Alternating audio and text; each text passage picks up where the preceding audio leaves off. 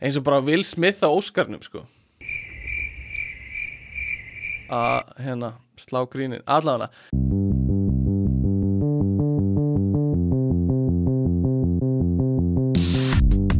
Halló er eitthvað að frétta. Já það er ekkert að frétta. Já það er ekkert að frétta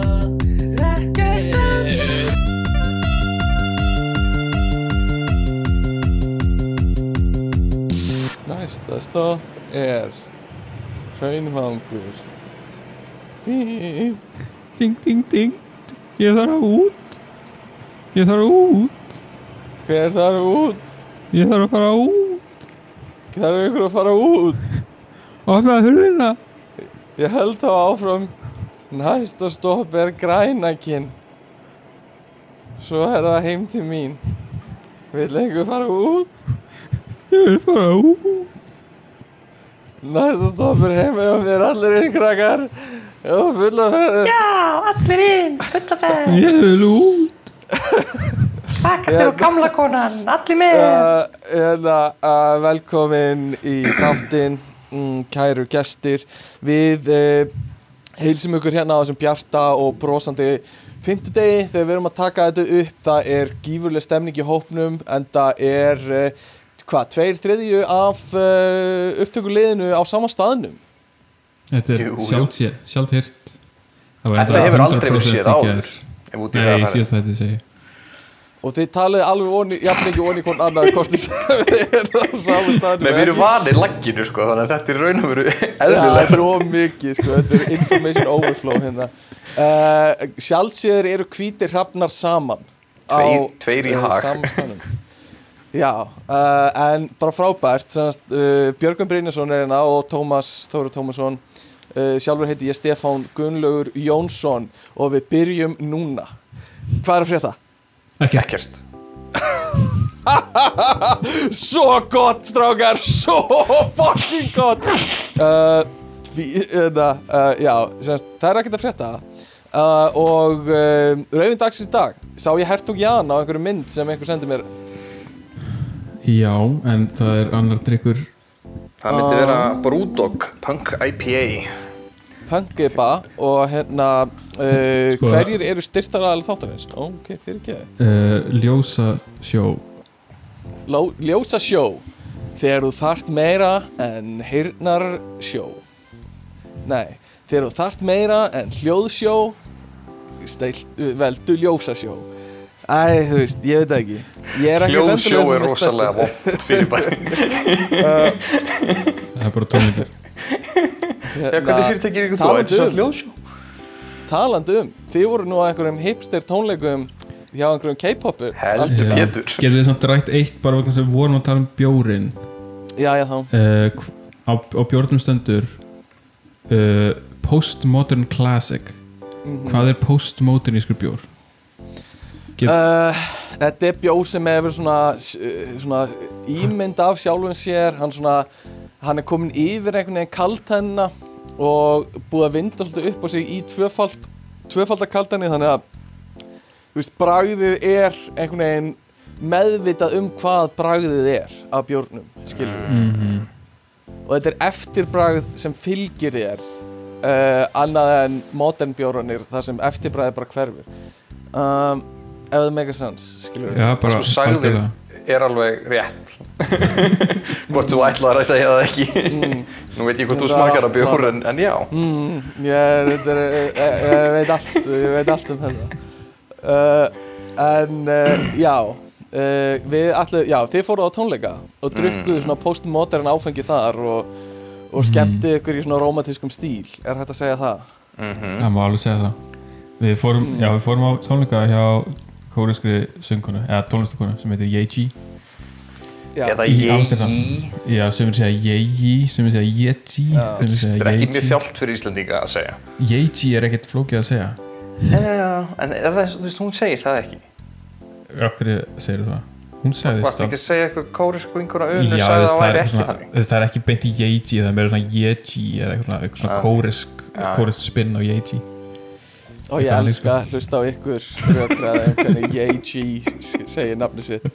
Uh, Ok, einu sem ég heyri er bara uh, Þú glaður að vinuðin uh, er komin heim eða eitthvað.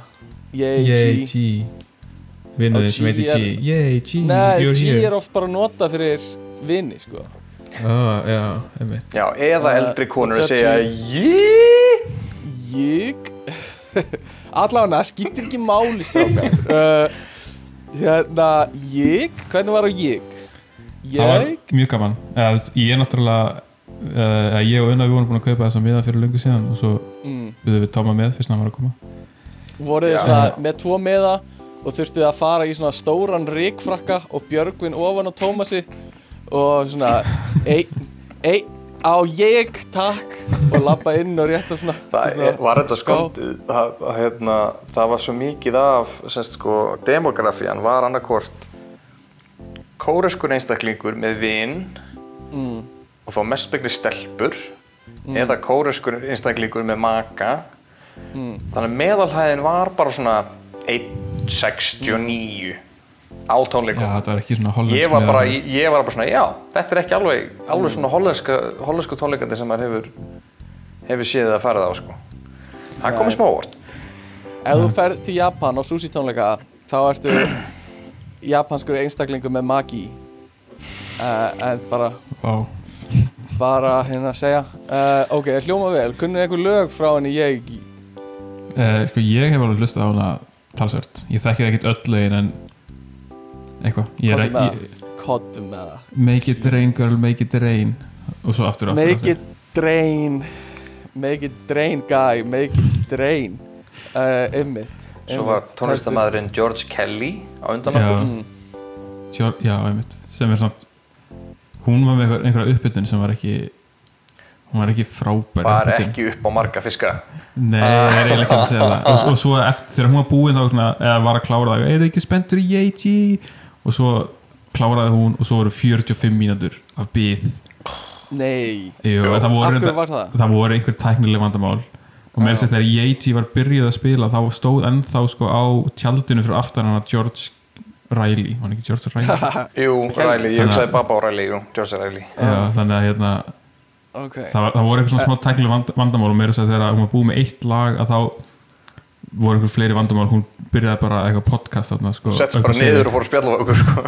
Ok En hvernig var hún, þú veist Var hún með dans Þú veist, er hún svona dansari hún var með tvo dansari. hún, Hún dansar ekki dansara. mikið, en dansararnir dansa mikið. hún dansaði mm. alveg slatta með hún þeim alveg, já, en samt svona kannski augljóslega ekki jafn- 40% af tímanum. Þeir voru að dansa og hún var að bánsa Er þetta að segja það?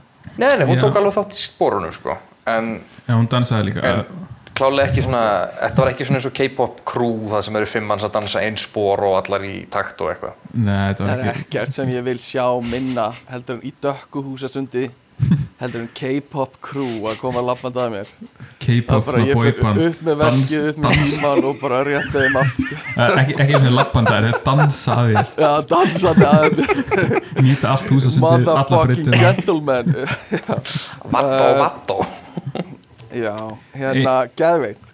Gaman að hérna- heyra. Já, eitt varandi þetta sko, svona bara pæling til ykkar. Uh, við Bíddu. unna Þetta er pæling frá Björgvinni til ykkar. Bara til ykkar hlustenda sko, við unnast vorum bara hérna, freka framalega nála sviðinu en það kemur svona eiginlega ekki sem komið til okkar en á sama svæði og fyrir framan okkur kemur einhver stelpa sem að er svona Oj, bara veist, í bara góðu stuði. Mhm, og, og er að dansa rosa mikið fyrir framan okkur. Eiginlega svolítið mikið fyrir framan unu. Ó, Og- og Una segir við mig eða svona kvíslar að mér ég held hún sé að reyna við mig. Ah, ah, ok, Eh, ok. Er hann að horfa á una þegar hann er að dansa? ég er svona fylgdist aðeins með henni og það er svona já. Ok, þú veist, en þú veist samt ekkit svona þú veist, jú eitthvað, Nei, nei, nei. samt ekkit það virkaði ekkit eitthvað augljós en kannski bara vegna þess að Una var ekki að taka undir það eða eitthvað. Já, já, já, hún er að svona reyna við með dansi frekar en hún var alveg Já, meðvituð um að værið alveg. já það held ég, Já. eða það lítur að vera. All, en, þú veist, og svona virkaði smá tímabili eins og hún væri svona svolítið svona að reyna að bakka onni hana eða svona, svona Mm, bakka rassin onni hana eða eitthvað. Grænda. mhm, mhm. Já, svona smá þannig. En ég ætla ekki að fullir það En ég fór bara að pæla þú veist, fólk gerir það veist, að reyna við fólk á svona tónleikum og svona já, já, þú veist, já, ég, já. ég kannast ekki, þetta er ekki hegðun sem ég tek þátt í. Nei, nei, nei. og og bara hefur reynslu stýður af ekki. og enginn hefur nokkuð tíma gert þetta við mig. Nei, bara ógíslegt um, þannig að ég er sko, bara að pæla, er veist, hafið þið lent í þessu? Eða er þetta eitthvað svona sem þið hafið heyrt um að fólk gerir? Bara svona, finnur Já, bara 100% mannesku sko. og þetta bara gerist, byrjar að dansa gerist á alveg henni sko, já, já. Já, en sko, ég hef heyrt eh, ég hef ekki heyrt, ég hef, ég hef séð þetta gerast á, á svona, kiki ekki við mig, heldur við félaga minn. Uh, þá vorum við bara í ring nokkur saman og það er svona outside gæi sem kemur og svona joina ringin og, en hann er bara stara á félaga minn. Uh, og hérna og þú veist hann, og kem, kemur við hliðina á honum og, og félagið minn færir sig aðeins svona annar stæri hringi og hann eldir og þú veist maður sér alveg svona að þetta er gauðir sem er svona að horfa á eftir honum Mhm. og, og þú veist fer upp við hann aftur og dans þú veist, þannig að þetta er alveg svona ég, ég hef upplifað þannig og svo eru náttúrulega bara gaurar geta verið predatori bara allstaðar á svona klubum eiga til að frekar þá að labba sko og byrja aftan manneskjur. Já, já, Ok. það er Þeir eru sjálfna sem þið fara fyrir framann og ætlast eitthvað til að, að eitthvað svoleiði sko Já. Já, en ég en meina já. samt, þetta er alveg mökunar dæmi líka, þú Já, veist, það er allir til í það, skilur þetta er dæmi sem Já, ég veist, ég er ekki að segja þetta sé eitthvað rátt sko, og Nei. ef þetta virkar fyrir fólk bara gegja, en það er bara, þú veist, bara vegna að ég hef ekki þú veist, ég hef ekki lent í þessu sjálfur sko. þetta er svona Nei, ekki.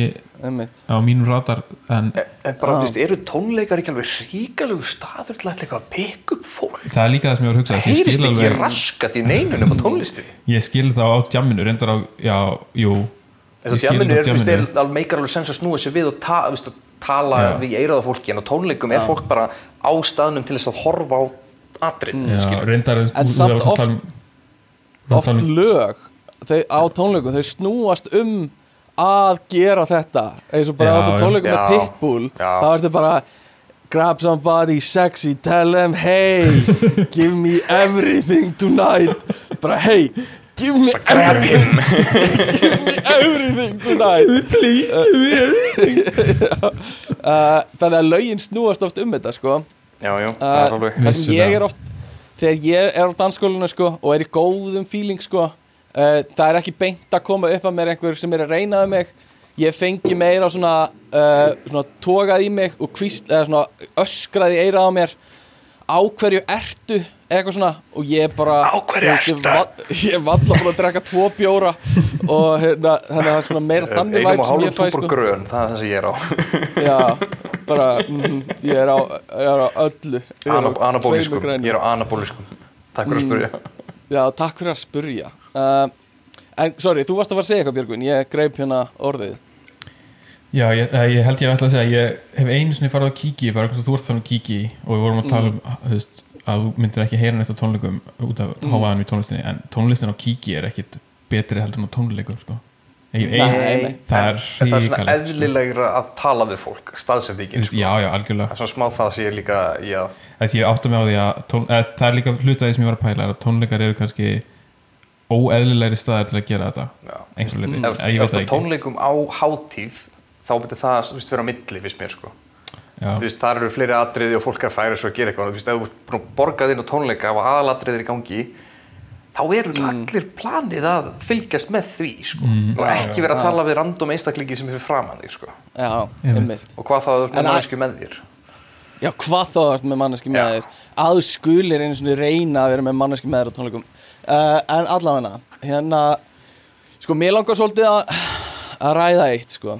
Uh, Og Tómas, ég þarf eiginlega að byggja þig um að vera uh, Svolítið hljóð Bara ekki segja mikið alveg strax, sko. Uh, Að því ég þarf að koma þessu út frá mig fyrst Og svo getum við aðeins fengið þitt teika á þetta. En, en hérna Sko, Björgvin mm. Ég lendi í Sollu í vikunni Sollu. Svolítið og það er Tómas vinnur okkar uh, og, og bara við skulum tala svolítið þú veist, hann heyrir ekkert í okkur, þetta er bara milli okkar okkar Mhm, tvekja hérna. mm. um, ég sem sagt uh, ég fæ einhver skrítnustu skilabóð frá Tómasi í vikunni. Uh, og hérna þetta er sem sagt, ég fæ þetta sent hvenær er annar nóvember, já þetta er sem sagt á þetta er um nóttina uh, miðvíkudag 50 dag fyrir akkurat viku. Ok. Hérna, og ég vakna upp við þessi skilabóð og ég sé að þau eru send klukkan sko uh, 20 mínútur í fjögur íslensku tíma sem er 20 mínútur í 5 hollensku tíma bara um miðjanótt morgun, já, já, ok. Já, eða morgun, basically. Og ég, Tómas sendir á mig. Stefán Er á skuggaráðstefnunni Fullt af PX að dúlla sér? Komdu mér og gumma út. Please Please. Í caps, please, please.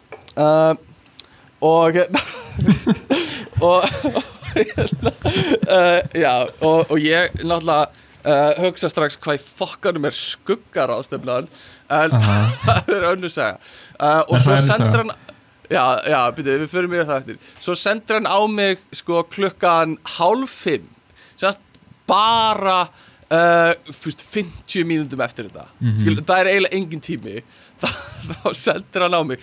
Uh, Man ekki eftir að hafa sendt þessi koma skilabóð Ætla að halda áfram rannsókn. Læt vita hvernig fer með einhverjum merkjum. Uh, þetta er það sem ég vakna upp við og ég þú veist, ég veit ekki alveg hvað ég á að hugsa. Veist, ég hug bara veist, ég, ég, svona, ég er 99% vissum að þetta sé bara eitthvað rugl en þetta er samt alveg smá uh, svona skríti sk já, þannig að ég segi bara hérna, what the actual fuck? Ertu góður? Hringdu í mig það er eitthvað. Uh, og svo svarar Tómas þú veist, fimm klukkutíma eftir það eða fjórum eða eitthvað, já allt í fínu lægi held að fullir ég hafi verið ákveðið að spila hrekk á gamla góða steppa ok, ok, ok. Þannig að Tómas har sagt uh, er að reyna að telja mér trúum uh, ég veit ekki alveg hvað hann er að hugsa en ég held að sé að hugsa um hann að reyna að telja mér trúum að hann og Gummi sé á skuggar á stefninni um, þannig að núna Tómas, bara fá þitt teika á þetta. Hvað hérna hvað heldur þú að þetta sé?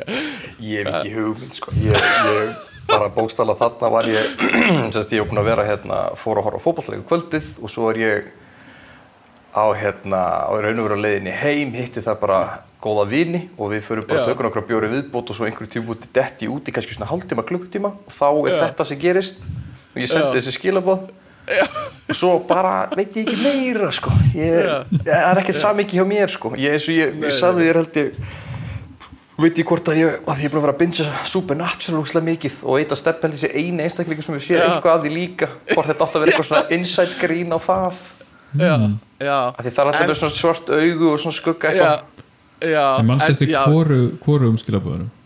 ég man eftir, ég man eftir setni skilabóðinu sko. Ok, ég man ok. ekki eftir ég man, ég man eftir að hafa sagt senda á þig þú veist þá var ég að reyna að baktrakka því ég var að fatta að ég hef sendt eitthvað bull á. En kom eitthvað út af þessu það rannsók satt svo rannsókninni nei. Það kom ekki úr rannsókninni En það er svo fucking fyndi að því þetta er þetta er svo stuttu tíma á milli skilur, þetta er ekki tími Já, til en- að fara að sofa eða neitt. Nei, nei, það, það er ég sko, það er ég ruglað, það er ég ennþá fullur en, en kom, þú veist, dottir inn úr blackoutinu. Já, já, Þannig ég fatt að ég er bara að setja eitthvað bull á hann. Og er eitthvað svona, herðu, ég ætlum að kíkja á þetta hvort að ég, þú veist, hvað ég var að senda já, já. og svo bara fór ég að sofa eitt um stuttu setna, þannig ég, Áhugavert en svo ég sé skila bara að steppa, er ég bara svona, mm, þetta er alveg svolítið, veist, það er þetta að túlka þetta svo rangt, þú veist, það er þetta eins og ég hafi verið í einhverjum vandræðum Já. og ég var eitthvað svona ég- sorry með það, sko. þú veist, þá þú ég bara svona, það- æ, þú veist, elsku vinur. Já, Tommi var alveg svolítið sorry eftir þetta en hérna uh, og þú veist, þetta er alveg ógíslega fyndið en þetta hljóma líka smá eins og sért að reyna að senda mér eitthvað svona dulkóðu skilabóð svona Já, sem já, þú veist, ég, það er Uh, alveg máli, sko, ég, veist, ég, ég, allavega, ég er nokkuð vissum ég hafi bara verið að senda eitthvað svona grín, já, eitthvað svona, æ, ég já. sendum eitthvað að steppa, steppur átt að fokk eitthvað Já. að grínast á netinu, þannig ég, svo hef ég bara fattað þegar ég sendi þetta, ég er bara svona, mm, já, þetta samt er alveg svona hægt að tólka þessu ég sé í alvöru vandræðum og þurfu á hjálpa að halda. En líka þú Já. samt að ko- komdu mér og gumma úr Já, sem eitthvað ekki sens, því gummi er ekki, gummi er ekki með mér, sko, þannig að tengi ekki var eitthvað, ég er í Holland og gummi líka, þannig Stefán Já, bjarga já, já. okkur úr Hollandi eða eitthvað, ég veit það ekki, sko. Ok, og bara síðast spurning er þú segir sko, er á skuggar ástöfni fullt af PX að dúla sér veistu hvað PX er? Nei, ég veit ekki hvort það Ok. átt að vera eitthvað annað ég hef skrifað eitthvað vittlust sko. ég, já, já. Ég get ekki útskýrt neitt af þessum hana skilabúðum. Ég, þessi seinustu make a sense að því þar er ég byrjar að baktrakka því ég er að fatta að þetta hafi verið ykkur rugg. Svo er ég bara fullur að fara að sofa, sko. Mér finnst þetta áhugavert, ég, veist, ok, ég hef ekki lent í blackout sjálfur en ég hef alltaf haldið að þetta væri svona, þú fatt, þú, vaknar ekki úr blackouti fyrir bara þú vaknar sko. morgunin eftir Já, en ég, það er bara máli, svefninn, sko. Ég, veist, ég er alveg manalveg, veist, manalveg, ég, ég lappa heim og ég stoppa á stað og gríp mér samlók og fer heim, sko. Já. Þú veist, þannig að ég, veist, ég er alveg, þú veist, þá er ég komin tilbaka, sko. En þegar þú kemur tilbaka, þú veist, þú veist er það eitthvað svona moment þar sem þú fattar allt í einu, byrju, ég man ekki hvað gerðist síðasta klukktíman eða, Ég, nei, ekki beint, þú veist, ég var, ég var á sama stað því ég dett út og vakna aftur, sko. Það er meira svona eins og maður bara svona lokar augunum og opnar og þá bara svona, wow, þú veist, það er svolítið mikið að gerast núna. já, En, þú veist, ég, veist, í, í flest skipti sem ég verið í blackouti og þá, einmitt, er maður frekar að vakna ég bara heima, sko. já, já, Þetta er svo fyndið, þetta minnir mér svo mikið á sko, samtali sem maður átti við uh, aðeins eldri vinni sína sem voru byrjar að drekka á tímubili þegar maður var 15 ára eða eitthvað og ég var bara eitthvað svona og hvernig er tilfinningin? Hvað er það? Eða, þú veist, saman? lýst því að vera full en hún er, hún er, það er, blackout er svo skrítið fyrir bara, sko. Ég, þú veist, þarna var ég líka bara, ég var, þú veist, það var búið að vera svolítið stress með, hérna, reitger sem ég var að skrifa, ég held að það bara svona tikkað inn eitthvað að ég hafi, og ég, þú veist, eins og mínu uppskrift almennt er bara, er þú þreyttur, já, búið að borða lítið, Já. og drekku meira en þú ætlaðir þér, þá, þá, þá er það svona fullkomin uppskrift í svona bull og ég, þú veist, þarna er Mm. ég búin að borða sex um kvöldið eitthvað svoleiðis og fer svo að horfa á hana leik svo er hann setn en ég held eða eitthvað þannig að það dregst á langin og ég held að það er bara farið í hálfdegismat, kannski tvær pulsur eða eitthvað og svo, veist, eina puls í kaffinu og þú veist, svo kannski nokkra pulsur í kvöldmat eða eitthvað um sex. Jú, jú. skilur, það er ekki, það ert ekki orðin þú veist, þá ertu ekki búin að borða mikið um nóttina, skilur, Nei, þannig að á leiðinni heim grípur eða kannski þrjá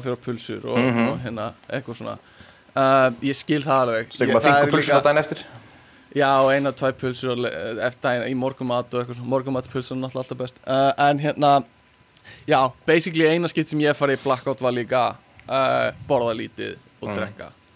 Og þá hafði ég enga svona mæli hvarða á hvað ég var að drekka mikið, eða þú veist, þá bara allt í hennu var bara slögt á öllu, sko. En það var svipa hjá mér, sko, ég, ég get alveg talið drikki sem ég var að drekka, sko. Þú veist, það var ekkert, ég, ég, ég fekk mér ekkert mikið með venjulega, ég held að bara verið Nei. stress, lítil svepp, að því ég var búin að vera að skrifa allan daginn, ég okkur bara að taka mig pásu og fara að horfa á fótballtileik. Svo bara langt síðan að borða síðustu pulsuna. Já, já, já. það gerist sko. Um, algjörlega hérna, uh, þannig að mér lákaði bara aðeins að, að, að ræða þetta og skuggar ástefna og svona uh, heyra. Uh, en hérna, uh, já hvað hva er, þú veist, fréttað ykkur? Tómið, þú ert búin að vera svolítið á faraldsfæti komst, eftir að gista hjá Björgunni hvernig er Björgunni, er að hafa svona hlunga á sófunum sínum? Eða hérna, já, eða þú veist það er ekki allt sem þú sagðir er rétt, sko. þú veist, hann sefur til hádegis fyrsta lagi, Ég, ég er í fríi, sko, það er verðt að veka alltaf því til, til fara, ég er í fríi, sko. þannig að maður læðist hérna um. Nei, ekki alveg. Ég svaf reyndar aðsnalega lengi í dag líka. Ég ætlaði að fara að vinna ég ætlaði að vinna en svo bara svo ég bara til 11 og þá einhvern veginn dagurum ónýtur og þá er dagurinn ónundur og bara tími fyrir nokkra pulsur skilur já og þú veist ekki tími fyrir að vinna bara tími fyrir pulsur. Já, þannig en svo var hérna búin að vera rigning þannig að við erum svolítið mikið búin að hanga heima bara í einhverju Það er rólega búið að vera, sko, skiptir engu máli hvenar ég fer út. það bara er alltaf ókeðsli rigning. já, Já, þannig að en við kíktum aðeins nýri bæ í gær uh, en, Já, þú varst að smíða. Já, ég fór á smíðanámskeið á meðan að Tommy Einmitt. fór að fekk sér bjór eða kannski er það öfugt, Tommy fekk sér bjór Ég, ég, já, ég fór að horfa á fótballleik og Björki kom í setna áleik og, og svo bara tókum við röltið heim. Ég lent, verkreinar á Bjögga og uh. Jam og Juice greinar á, á Tómas. Ég er ekki að segja djam og djús en, en, en frustrerandi fótballtakvöld fyrir, fyrir, ok. fyrir ykkar mann. Ég Ég tók líka eftir Tómas að uh, Twitteriðin er svolítið heldtekin af uh, íþrótta og sérstaklega fótboltalækum þessa dagana. Uh, vil bara uh, færa þetta til bókar að, að það má læka meira sko. Já, ég er alltaf að búin að segja líka hvað, hvert vandamálið er þar, að það er svo mikið fólki búið að beila á, Twitterin, já, Exið formally, artist as Já. Twitter, sko. Já, já, já.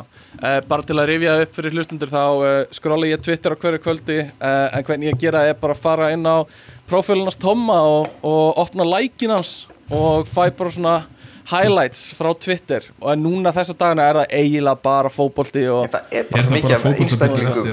Nei, líka bara, þú veist það eru bara umræður þú veist, ég, ég er raunur ekki að fara bara í following lengur það eru svona tvei flokkar mm. þú farið gegnum Nei. following línuna þína eða bara svona for you Ég og þannig að það eru mín fótbolta, eða mitt fótboltalið og svo mitt köruboltalið mikið þar já, Erst þú að borga 8 eurur á mánuði? Nei Ég er ekki ekki með Hvað verið þá að sjá mörg? Það var eitthvað limitað, ég heldur að það tekið það út. Það er búið að breyta svo mikið, tekið ég nenni ekki að taka eftir því hvað er búið að breytast sko. Maður tekur ekkert eftir því sko. uh, Tom er ekki borgaði fyrir sko, Thomas Tórir akkántin sinn. Hann er að borgaði fyrir íslenska pullan akkántin uh, þannig að ef að fólk vil follow íslenska pullan á Twitter þá Og fyrir skuggar ástöfnu Já, já. akkantinn líka. Uh, tala um það, má ekki tala um skuggarástum næsta ráka, það er nei. PX-um akkántin Já, passaði Hérna- PX-unum sko. Já, Nei, og ég, ég vissum að ég vissum líka, sorry, að einhverjum hlustundur er að hugsa er ég að missa einhverjum insight brandara með einhverja skuggarástur og pullur og eitthvað? Nei, bara alls ekki. Við, þetta er ekki, ekkert eitthvað sem, uh, sem bara við erum að missa. Nei, en Já. ég, ég lendi satt að býru fyndið, við vorum á röldinu heim eftir hérna, eftir kvöldið í gær. Bara svona upp úr 11 eða eitthvað held ég. Og, og rosaleg rigning. Alveg bara Já. hellidemba proppir svona evróskur monsún og, og, og ég lendi í svona bíómynda-esk svona atriði að ég er búin að eiga, Ah, liðið mitt búið að eiga rosalega erfiðan leik og Já, rosalega frustrandi kvöldar ég er svona ég er svona smá svona, uh, ne, ne, smá svona já. leiðind í mér og svo erum við að rölda og það kemur bíll og keirir fram hjá okkur og keirir í poll oh, og hann No. gjössalega straujar pollin og ég fæ svona Almighty svona öldu yfir mig já. Bjöggin er veginn svona skottast í Já. og sleppur við þetta ég eina sem ég að svona snúmur aðeins á hliðina og ég bara allur rennandi blöytur á annar hliðinni. Þetta er alveg skelfilegt sko. Uh, og svona Ísland slapp uh, svona tsunami yfir því sko. sko. Ó, Svo kallt Skelfilegt sko. Ég átti að labba með vininum og hann stígur á svona góðan slapp svona slapp kaggul og hann splundrast og fyrir svona akkurat í sokkahæð. Já, já, já. Svona aðeins yfir skóin en akkurat undir buksunar svona hittir svona smellpassar. Ummitt Ég lappa með vinniðinum og hann stýgur akkurát á hrífuna sem er á gangstéttinni og hrífan svona bombast í hausinu á hann sko. uh, alveg fáránlega pyrrandi sko. uh, Nei, en allavega hérna, gaman að þessu. Uh, sko, eh, ég veit ekki ég skrifaði niður ég hefði verið að gigga út á landi. Ég held að sé aðalega því mér finnst töff að segja að gigga út á landi uh, og hef svo sem ekkert mikið um það að segja.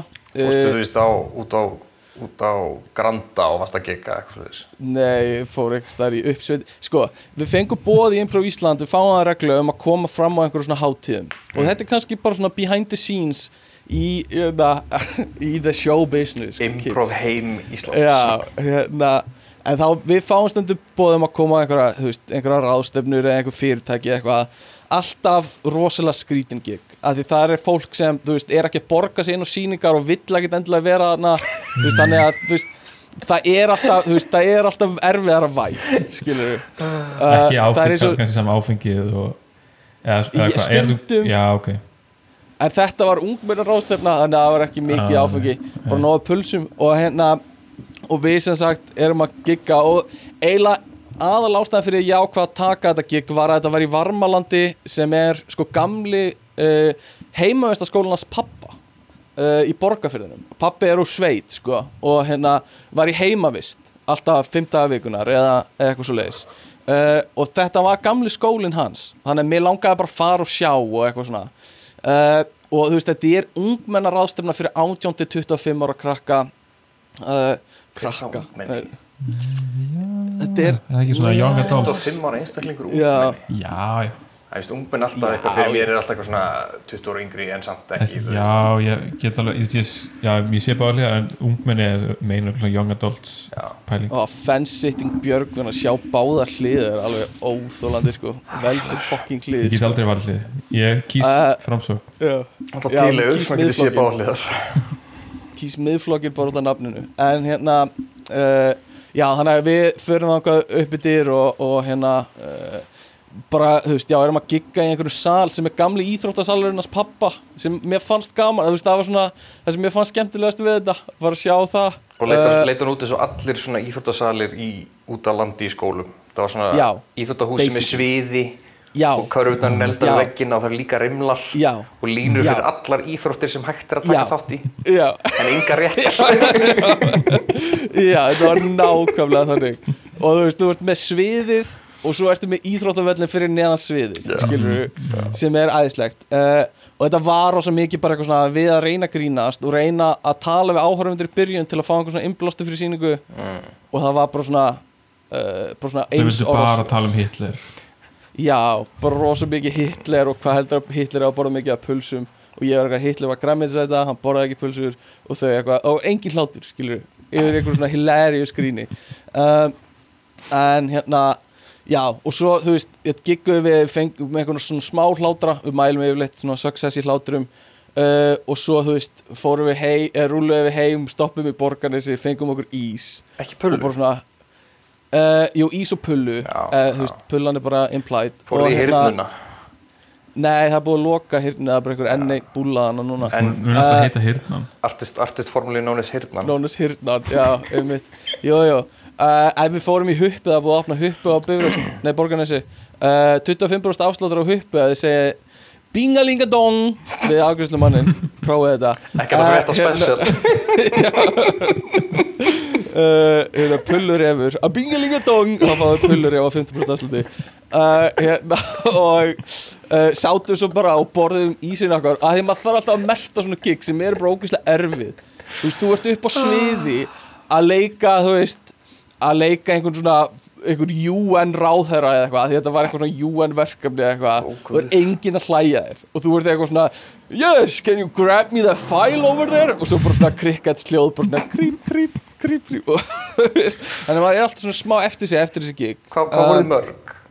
Fjögur, sem er ekki nóg. Það er rosalega er- lítið, já. já. til þess að líða vel kannski hefði maður þurft sjö eða Ég var að sjá fyrir mér svona tíu Improv Ísland meðlimi þetta á svona, svona hérna, backstage kanti með ís og öll eitthvað svona, Já. þetta var hræðilegt. Já, uh, þetta var svona Þú veist, maður er að verða svona aðeins meira immún til þess að, við þessa tilfinningu að koma út af giggi sem er erfitt en þetta er alltaf svona uh, og þetta var ekki eins og það slæmt. Þetta var bara svona meh, Það er svo einhvern veginn. skrítið að velja, þú veist, ef þú ert með ráðstefnu fyrir fólk sem er þá viljandi að mæta ráðstefnuna líklegast. Já, Það, veist, nei, þau voru öll í hlekkjum. Þau voru öll bara í svona keðju hlekkjum með Já. kúlum niður. Uh, að þú veist, þú veist, improv er listform sem að fólk, þú veist, það er fyrir ákveðin hópa fólki. Í, Ég hefði að þetta halda að vera einfaldar að fá bara tónlistarmann sem skemmt að Já, þetta skilur Það mögulega. það er- ég, Þetta er yfirleitt einhver sem hefur komið á sýningu og, sa- og Já. fundist Já. gaman og er í skemmtinemndinni Já, og er í skemmtinemndinni og hugsa þetta er frábær hugmynd fyrir uh, Mhm. þetta sem ég er að gera. Eitthvað Það svona er svona. saman þegar ég var að skipleika eitthvað fyrir veist, hérna sviðið á, hjá Eblu og ég stakk upp á því að fá Improv Ísland með eitthvað svona hópefli. Já, og það voru allir bara svona nei, veistu, þetta er bara 100 verkfræðingar eða erum 50 verkfræðingar og þú veist, það er enginn að fara að fíla þetta. Já, á meðan ég var svona gæinn sem, er bara- sem að Um, "Ó, þetta er óslega um, gaman þetta er að fyndi sko. Steppi sem er ég- í þessu, hann er verkfræðingur sko. Þetta er fyndið. gerist, það gerist einmitt að við erum líka fengin í svona hópefli eitthvað svona, ég hef reyndar aldrei verið í því en ég hef heyrst bara hvernig það er. Og þá er það einmitt oft svona þú veist, þetta er bara fólk sem er í vinnunni og er ekkert, er ekkert til í að koma og spila einhverja improvleiki eða eitthvað þannig að ef maður er eitthvað svona ok, og, og hérna, þú ætlar að koma inn og bara byrja einhvers, eða þú veist, kemur með eitthvað svona, eitthvað svona æfingu og manneskjan segist þetta bara, nei, Nei, ég ætla ekki að gera það. Nei. og svo er einhver í skemmtinemdini fyrir bakvið eitthvað svona Jú Gunni, farðu upp á svið. Þetta er svo gaman. Og Gunni bara eitthvað Gunni "Nei, bókaldur bara, nei, nei. Nei. Og svo verður þetta svona passive-aggressive svona upp á svið núna. Mm, eitthvað svona og, og Gunni bara eitthvað mér langar ekki upp á svið með þig Gunni núna. Eitthvað svona sem er að verður mjög skrítið. En þú veist, aftur yfirleitt er þetta bara fínt og bara mjög gott hópefli, ég mæli með þessu ég er ekki að segja það. En, hérna, eh, hópefli. en það verða alveg svona skrítin moment skilst Þóli ekki hópefli. Það er svo, eitthvað, hópefli eru svo erf sko. Já, en þú veist þú veist þessi, ég man eitthvað tíma þegar ég var hérna í Eimskip, þá var eitthvað svona starfsmannadagur eða eitthvað. Og við fórum ykkur Og íbarasta. ég veit það, fórum ykkur rútuferð alveg 100 pluss manns. Já. fórum eitthvað út í borgarfjörð og það var bara svona salur og það var bara matur og eitthvað dót svo er eitthvað svona eitthvað verkefni sem einhver er búin að setja Mhm. upp. Og svo held ég að Helga Braga hafi komið og verið með svona skemmtiðatrið og hún basically var bara að rosta konseptið af því sem við Já, vorum að já. gera. Og það var í raun og veru fyndið. Af því hún var bara, hvað blæði þetta? Þetta er ekkert skemmtilegt eitthvað og var bara að lesa eitthvað upp og var bara, það er nefnir yngir að gera og, það virkaði. Af því að það er svo stór hlut af fólki sem var bara er ekki verið í borgarfyrði með ykkur Nei, að gera eiginlega, sko, svo hálf borgaður laugadagur eða eitthvað, fólk er bara Aha, áhugavert. Er áhugaverð að fara eh, upp í borgar fyrir, fyrir eitthvað svona Já, þetta var eitthvað, þetta var hérna í borgarfjörð, þetta geti að vera í Kjalanes eða eitthvað svona aðað milli, ég læt að vera. En þetta Já, var það eitthvað var einhver stær í Mós og einhver lengst ekki alveg kannski, Braga en, en það var alveg Já, eftir- sko, það tók alveg tíma líka í skeifunni. Uh, en, Ætraland. en hérna hafið þið séð nýja, nei það hafa veintilega ekki séð nýja, jú kannski nýja hverfi í þannig að þessi stúdíó er í Gufunesinu. Tjús fucking skýta hverfi er það maður Þú sagði rosalega mörg orð sem ég náði ekki að skilja. Hvað segir þið? Í- Gufunes er hvar aftur? Ég- Gufunesi er hjá hann að rusla hann að landfyllingsruslahaugnum einhver starf hann að rétt fyrir utan bæjan þetta er í rauninni bak við grafavógin held ég. Eða svo uh, húsakverfið er eitthvað sluðis já þetta er aðeins lengra. Þetta er, uh, þú, þú sérð yfir þetta og stendur í skútuvóginum ef þú veist hvað hann er Já, held ég uh, ef, ef ég mann rétt. En allan þetta er bara svona, þetta er nýbyggð sem er bara tengd með einum vegi. Ég, sí, einhvern tímann var ekki eins og strætó, ég veit ekki hvort hann er komið núna en þetta er alveg skelvilegt hverfi. Því þetta er bara, þú ert botlangi í einhverju smá langri kerslu þú ert ekki með neina búða en eitt hana og, og hérna, þetta er svona allt hrátt og ógislegt og, og svo er svona stúdíóðan spalta við hliðin á. Og þú þarft að þú veist að lappa yfir einhverja brekku eða þú veist ekki á bíl sko. Og það er ekki eins og sundlu Nei, er ekki einu svona fucking sundlaug skilur, jú, í stúdíóna spalta er eitthvað svona eitthvað svona, sundlu svona Titanic lög. Um, Öldulög Já, um, en allavega vina, það skrifaði einhver hérna inn í handritið. Uh, og, og ég, ég, ég ætla að lesa vina performance review. Já, ég skrifaði það. Ég fór bara að hugsa þegar yfirmaður minn í vinnunni var svona að spyrja mig hvernig ég hefði tíma fyrir eitthvað svona þú veist, eitthvað svona sem, sem ebla kalla snerpu samtal snerpsamtali það er Þú bara, ég, er með, ég hljóp undir 11 100 Já. metrana einu sinni. Bara, ég er mjög snarpur. Það er eftir að samtölun er alltaf það er bara svona, hvað er það fljótasta sem þú hefur gert síðan við áttum síðasta snerpu samtal Já, já, og þá er eitthvað svona, að ég, þú veist, stundlega uh, ekki lífin Býtu, ég þarf að tala við kæristunum mína og hérna, já, eitthvað svona. Akkurat. Einmitt það. Eh, Ok, snerpu samtölun er kannski ekki beint svona performance review en svona í, í þá átt sko. Já, bara snegri. Einmitt. Já, nefnir bara svona og þau eru núna sko þrjú á ári eða eitthvað. Vá, Ok, þetta, er, þetta á, á að vera eitthvað svona ég held, það var örugglega einhver svona einhver sem baði það eða, eða kannski er þetta einhver svona ný hugmyndafræði í, í svona vinnu markas mannuð stjórnun bla bla bla. Að í stæðan fyrir að vera með eitt vinnumarkas mannuður vinnumarkas mannuð stjórnun Næs uh, Það er einhver HR rep sem er að sko að missa sig úr, úr uh, hérna, bútið lengst á titil graðileika. Mm uh, það er, er pottet auglýsing á alfred.is núna sem er, þú veist, leitum að snillingi í vinnumarkas mannuð stjórnun Já, já. Allavega, en hérna og ég, fyrir neðan það og fyrir neðan það Æ, þetta var ósynnt Ég hefði að gera það. Aðeins Þetta þetta- þetta Já, er það. Er aðeins farin Ég, ég, æ, ég sé smá eftir þessu. Jæja, fyrir neðan það er auglýsing sem er eitthvað svona Erum með 52 pilsur sem við þurfum að klára. Auglýsing eftir Æ, þetta var ekki náttúrulega einu sinni. Gúrmei manni. Glissi í specialist. Snillingi í pulsöfn Herðu, talandi um það uh, Úti í Portugal Og þetta er öruglega til á Íslandi, ég hef bara ekki séð það En þá var alveg svona röð í, í búðunum Í súpermörkuðunum Af dósamat og, og ekki bara dósamat heldur bara svona glissís í dós og glissís í krukkum. Einhverjum glissi- Er það pulsur? Já, það eru pullur sko. Já, Það ég, er bara ég sé getur- það hér sko, ég veit ekki hvort ég hef séð það á Já. Íslandi en pulsur í krukku. þú pulsur, pulsur Pulsur dós er alveg í krukku. hér sko. í pulsur í dós, þú ert bara svona eins og þú ert með bönina þínar eða eitthvað svona opnar hænsbönina þínar, nema þannig er þetta bara opnar og bara svona spjóta það eru betur varðveittar í þarna heldur en í einhverjum pakka það er alveg jafn já. vel Já, trixið er að kaupa hæns bönadós og pullu glissidós opna báðar, setja á ónu hver aðra og bara svona snúa aðeins og velta Já. svona tveimur saman og mixa. Já. svo opnar það bara bara- þá ertu komið malti fyrir tvo. Nice. Heinz glissibönir sko. um, bara gæðið, allan, sorry ég, við aftur greið fram fyrir þér. Já, snerpu viðtal Snerpu viðtölun hérna, Nei, ég ætlaði að segja að ég, ég fór bara að hugsa af hverju gefur maður ekki fleiri þú veist, svona performance review bara á fólk sem maður þekkir? Já, einmitt. Bara, Eða, þú veist, ég veit svarið, skilur Já, en- bara höldum áfram með þessa pælingu mér finnst það bara góð pæling að þú veist, að þú veist bara, Mhm. ég veit ekki þegar einhver afgreði mig út í búð bara snögt svona Mhm. performance review í lokin. Ertu að tala um, að tala um takkaborðið þegar þú lappar út? Nei, Hvað já, þjónustan satisfying?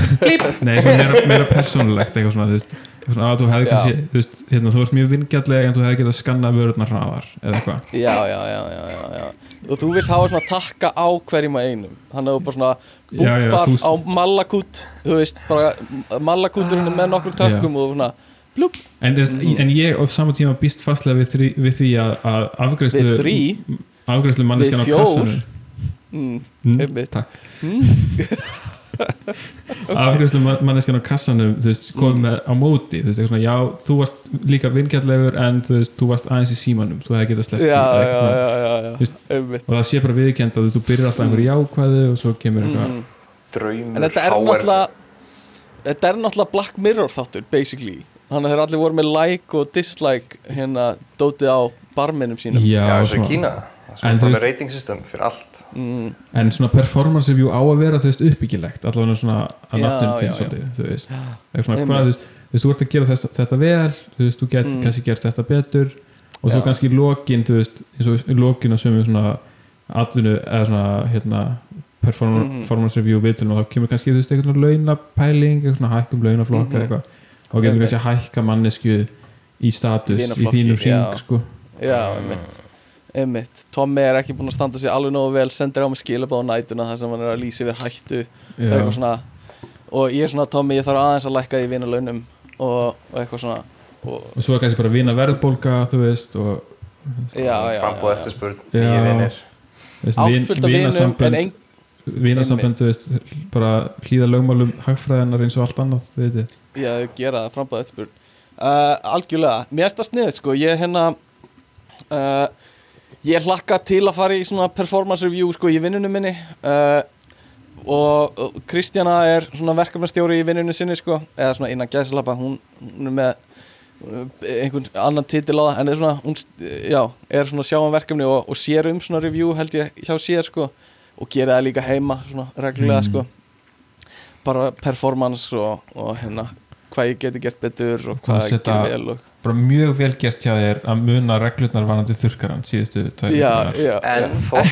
þurrkara. ennþá allt í sama og velja bara blandaði þvottur verður að vera svart og hvítt í sitt Mhm. já, já, já, já, það er alveg satt sko uh, já, margt sem á að gera betur sko uh, en allavega, svo er líka launaflokki. Já, ég er hjámaður núna sko. Uh, ég fæ kannski að fyrir kærast aftur bráðum uh, en hérna biofagurfræði, hvað er það? það er líka önnur pæling sem að ég þarf að spyrja þig og, eða ykkur og hérna hlustendur sko. Hvort að aðeins tengi stundum þegar ég er í einhver svona eða stundum er ég í einhver svona ákveðnu skapi fyrir einhver svona ákveðna fagurfræði þegar kemur að bíómyndum svona, og þegar ég segi fagurfræði þá er að meina svona aesthetics eins og er svolítið Já, já, já. Í, í umræðinni einmitt, einmitt. Veist, eins og stundum að þá einhver hluta vegna og að- stundum veit ég ekkert að af hverju. aesthetic sko. Nei, það það er ekkert í umræðinni það er ekkert umræðin Nei. allavega en þá er ég stundum bara svona djöðl væri til í að horfa á einhverja vikingamynd núna. Mm og ég er ekki eins og með einhverja sérstakka mynd í huga ég er bara með einhverja svona tilfinningu bara svona, Mhm. ég vil sjá eitthvað vikingakontent Mhm, þú veist, eitthvað svona velgert þannig að Já. ég upplifði mig í þeim heimi mhm, bara núna og, Mhm. þú veist, og stundum bíómyndir sjónastættir eða jafnvel bók sem er mjög immersive Mhm. eða eitthvað Já. eða Ég meina, bara, þú ert Já, já, hvað segirðu? eða, bara- eða þú veist, á, ég var til í ógstlega mikið að vera inn í sjóræningja heimi akkurat núna Já. eða þú veist, Þú ert að lýsa mjög basic hlut sko. já en ég veist, já, ég býst við því að aðrir upplifi þetta en þú veist, fyrir mér er þetta veist, ég er samt reynd að ræða þetta við suma og það er ekki allir sem er tengja við þetta. Svona Þú varst með þriðja dæmið hana sem átti að vera brandari. Viltu koma með það? uh, nei, það var, var ekki þannig sko. Ó, ok, ok. Uh, En hérna, já, sko, þetta er alveg þetta er hluti sem maður er oft bara eitthvað svona ég er í skapi fyrir þetta núna og þetta núna. En, en fyrir mér er þetta einhvern veginn meira bara svona ég er í skapi fyrir þetta, það er bara einhvern veginn svona einhvern veginn svona heldtekur mig. kreif Ok. Já, þú veist ekki byrð, já, en svona ég veit ekki hvernig ég var að lýsa því. Já, itch sem þú þarft að skratsa Já, eitthvað, eins og um daginn ég, þá vorum við í Delft. Og það er svolítið svona miðaldalegur bær sko. já, og ég lappaði hann í gegnum einhver, einhver hlýða einhver svona, sem við leitum þau einhver kastali og þá var svona, mhm, þá kom þessi tilfinning svona alveg yfir mig bara svona, að ég var til eitthvað svona alvöru velgert miðaldakontent þannig ég upplifði mig bara algjörlega í því bara Kingdom of. Heaven að mig í gangi þrjá, þrjá og hálfum tíma hérna í sofa eitthvað þannig sko. Ég endaði að horfa þarna Dungeons and Dragons myndina sem kom út. Já, hún getur komið mér á óvart, hún var lúm skemmtileg já, hún er svolít sko. Uh, Sko, já þetta er svona heldtaki, sko. Þetta er þetta er uh, vibes, sko um, uh, svo ég tali bara hreint út við ykkur, sko. Þetta er þú eh, talar bara að reyna íslensku. Já, já, stundum emma bara eins og þú skilur uh, horfa á Siberian film þú veist, það held tekur Já, einhvern veginn bara vilt þetta stundum þarf ég bara að fá eitthvað eitthvað svona masokisma já, útgeð í æðarnar á kreifið alveg að, langa, eins og mann líði bara illa í svona tvo, hálfa, þrjá Já. daga Argrímu vinnur okkar hann gerir þetta sko við hérna, Human Centipede og eitthvað. Mm, veist, hann er, hann er veist, í einhverju svona bríari og partí og það er svona held tekur hann að sjá einhvern geta kúkin úr einhverjum öðrum. Mm. og hann hann bara, ég, fara, þarf, ég bara þarf að fara.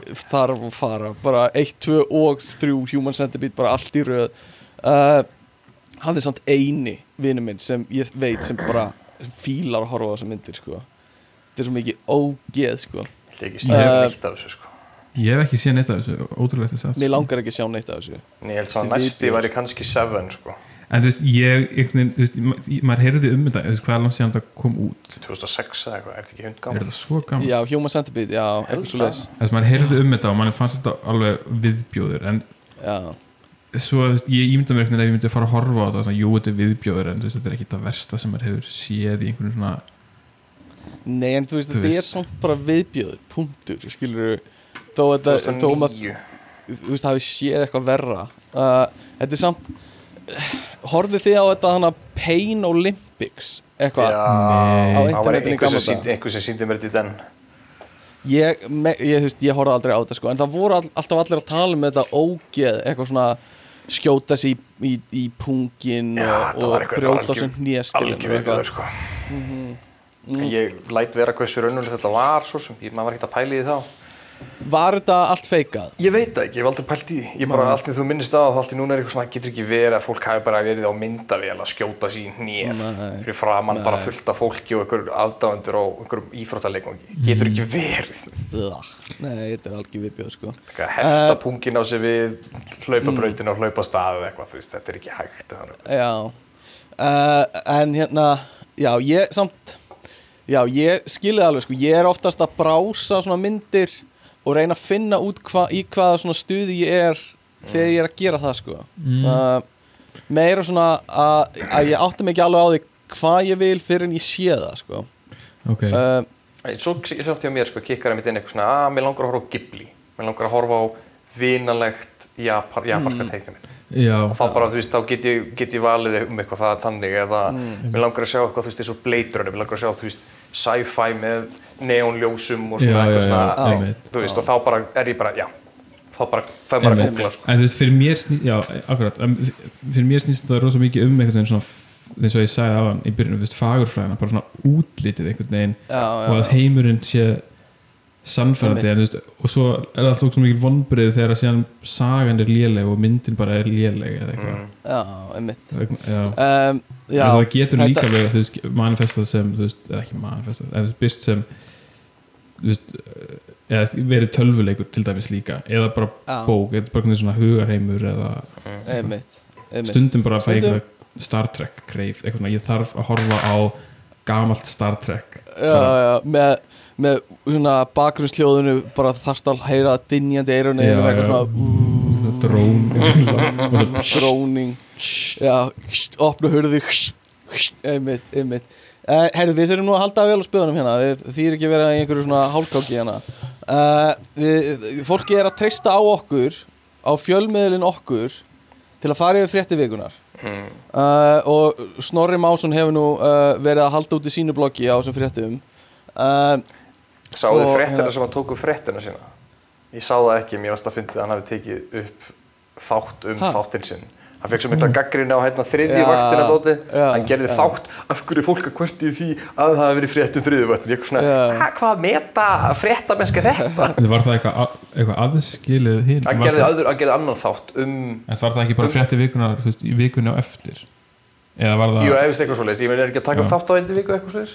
jú, einni viku, jú Já, þú veist, hann gerði Já. þátt um þriðju vaktina og svo gerði hann bara þátt næstu viku um þáttinn um. Þáttina.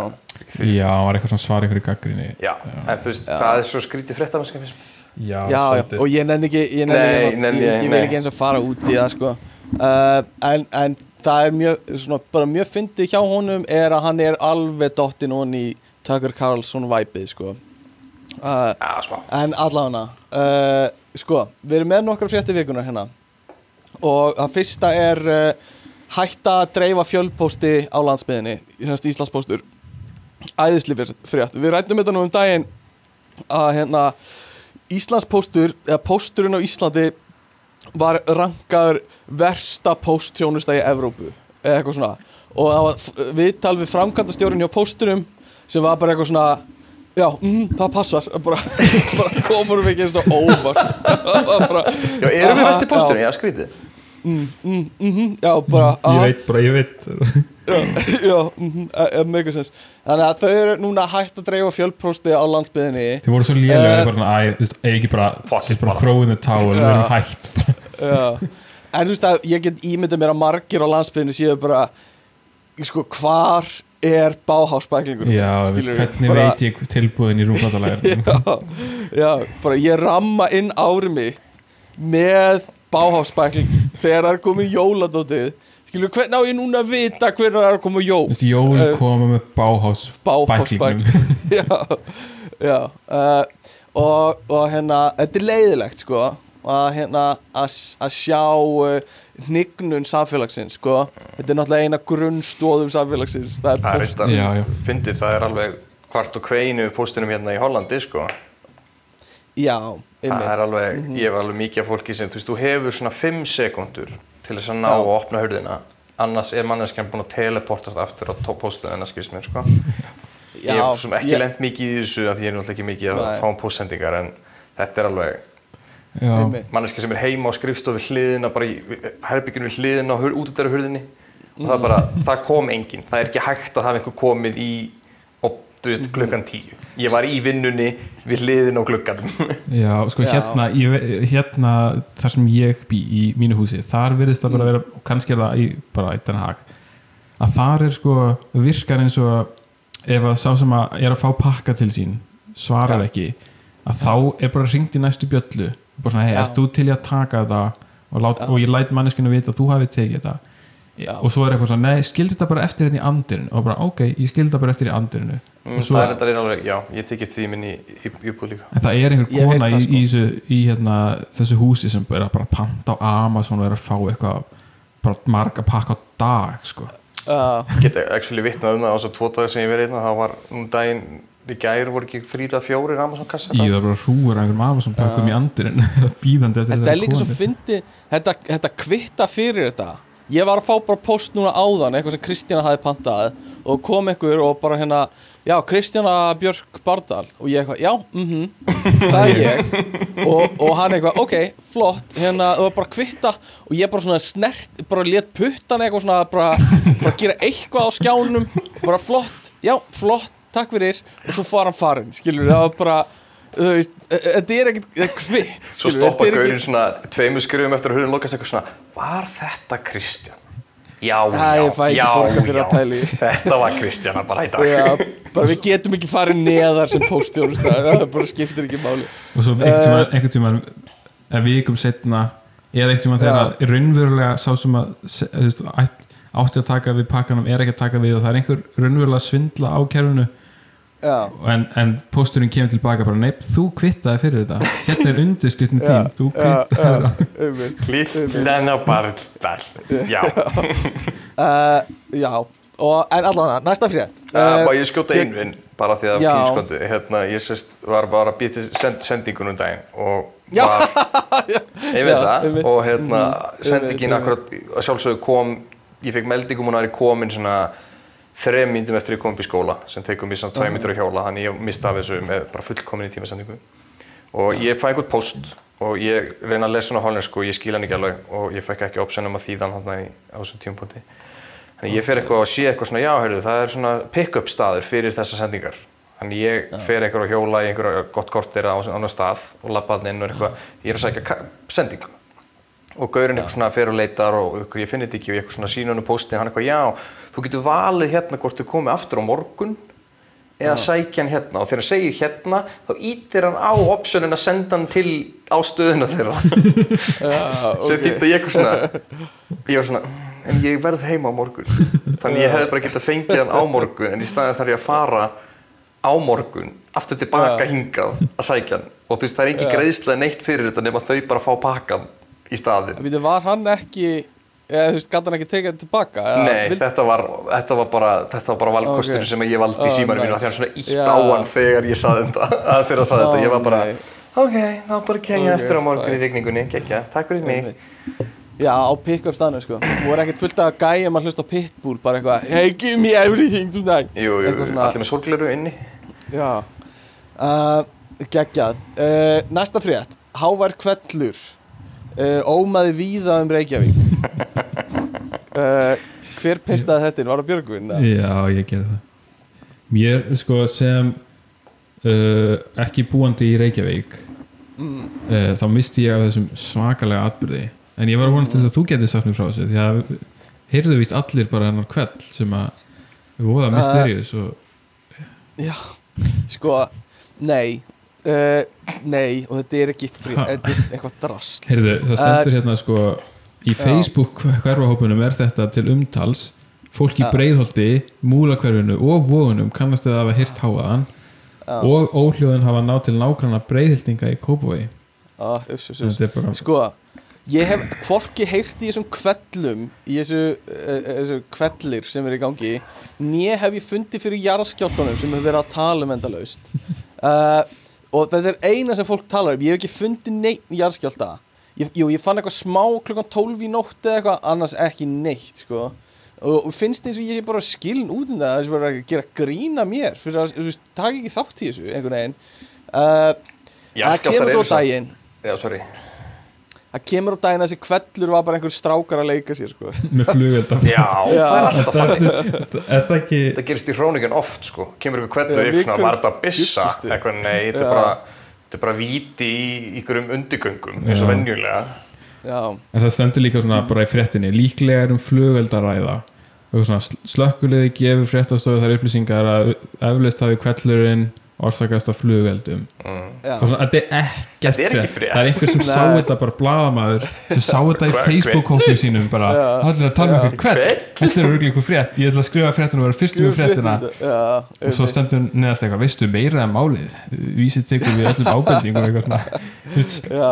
á meðan slökkulega bara þetta var bara, þetta var bara flugöldur en þetta er, þú verður aðtöða þetta er mesta blaðamenska sem vísir gerir. Skilur við, þetta er ekki þýðingavinna heldur er það að fara nú Facebook hópa á Íslandi og Já, þetta skrifa um hvað er Þetta að er bara gera frumvinnsla frétta sko. þetta er, þetta, er frum, þetta er eitt af fái sem er frumvinnsla fréttar og þarna er líka ætlaði bara veist, Jón Þór Stefánsson ætlaði bara að vera undan fréttinni þú veist, já, þegar Já. það sér í ljós að það hefði verið sprenging í einhverju húsnæði og lögguna komið þá vissi hann það áður en í reyni allir Nefnilega. aðrir og er búin að skrifa fréttina. En svo kemur ljós að það var ekki neitt Nei, nefnilega, mér langar að hoppa í eitt svona tengt bara uh, blaðmennum og vísi bara örsnögt að því við vorum að tala það, ég er bara með eina svona annað dæmi um, um hérna fyrirsagnafrétt uh, sem einhver blaðamaður er svo gjörsamlega í hláturskasti á gólfinu rúllandi á skrifstofum vísis uh, sem er og fyrirsögnin er hver vill villu ömmu villa vill? Uh, eða hver vill villu ömmu vill, villa vill. Hérna eða hver vil villu ömmu villa vill? Villa vill, já, ummi Heila þetta er- bófaldæm uh, og við höfum náttúrulega rætt þetta mjög oft en þegar sko þegar fréttamennir hugsa sér svo nutta saman höndunum bara nú get ég fucking loksin skrifa titilinn sko. Uh, að þetta, þetta aftur eins og margt annað er ekki frétt sko. Þetta er bara eitthvað komment á Facebook. Þetta er forvinnsla fréttarinnar á vísi. Þetta er, þetta er það er verið að selja eitthvað hús og það er verið að tala um það á Facebook og villi vill kommentaði að ammans eða langamans hafi átt húsið. Eitthvað svona. Og þetta er bara loksins get ég skrifa fréttina um þetta. Eitthvað svona. Hann var Og- búin að hugsa þennan brandara fyrir alveg svolítið Já. síðan bara svona, ef amma villa vill væri að fara að Já. selja húsi sitt þá gæti ég skrifað eitthvað Já. svona eins og já, verja að kalla það villu Barna barna er- Elli vill vill villu villa villu vill já, vill Uh, vill já, þú veist, þetta er ekki eins og villa þetta er villa þetta er, uh, þú veist, 90 fermetrar húsi eða eitthvað í sem er í já, já, já, Þetta er já, kofi basically já. Uh, allavega, þetta var bara svona út og dúr sko. uh, næsta frétt er hins vegar Frétt uh, áhugaverð, mikilvæg og við erum með insider information hérna Nú. Við erum með starfsmann, fyrirverandi starfsmann heilbriðis eftirlitsins á línunni. Ó, já. Björgvin, heyrir í mér? Uh, ég heyri þér Blessaður, takk fyrir að spjalla við okkur. Uh, þú ert fyrirverandi starfsmann eftirlitsins. gaman að- Já, það er ekki satt. Gott, gott, gott, gott. Uh, en hérna, sem sagt, starfsfólk Vaff Í-þrifa reyndi að koma matvælum undan er fyrirsögn á þessu og þetta fjallar sem sagt um það að það fundust einhverju svona hrannar af einhverju mat sem var í Fimm tonn geimslu af mat, matvælum 5 tonn af mat í geimslu í einhverju, einhverju uh, kallara í Sóltún í Reykjavík uh, hjá fyrirtæki sem sér um bara mat fyrir veitingastæði, marga veitingastæði.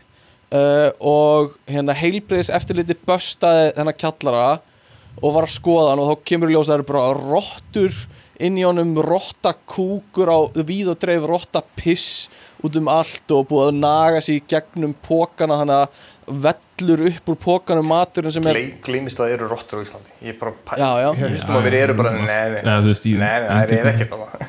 Ná, og hérna í undirheiminum sko, já, ja, og þetta er já, ég man ekki, þetta er fyrirtæki sem er að sjá um einhverjum veitingstæði, ég man ekki hvað var hvort það var Viet Fó og eitthvað svona. Jú, einmitt, Fó Vietnam Fó Vietnam.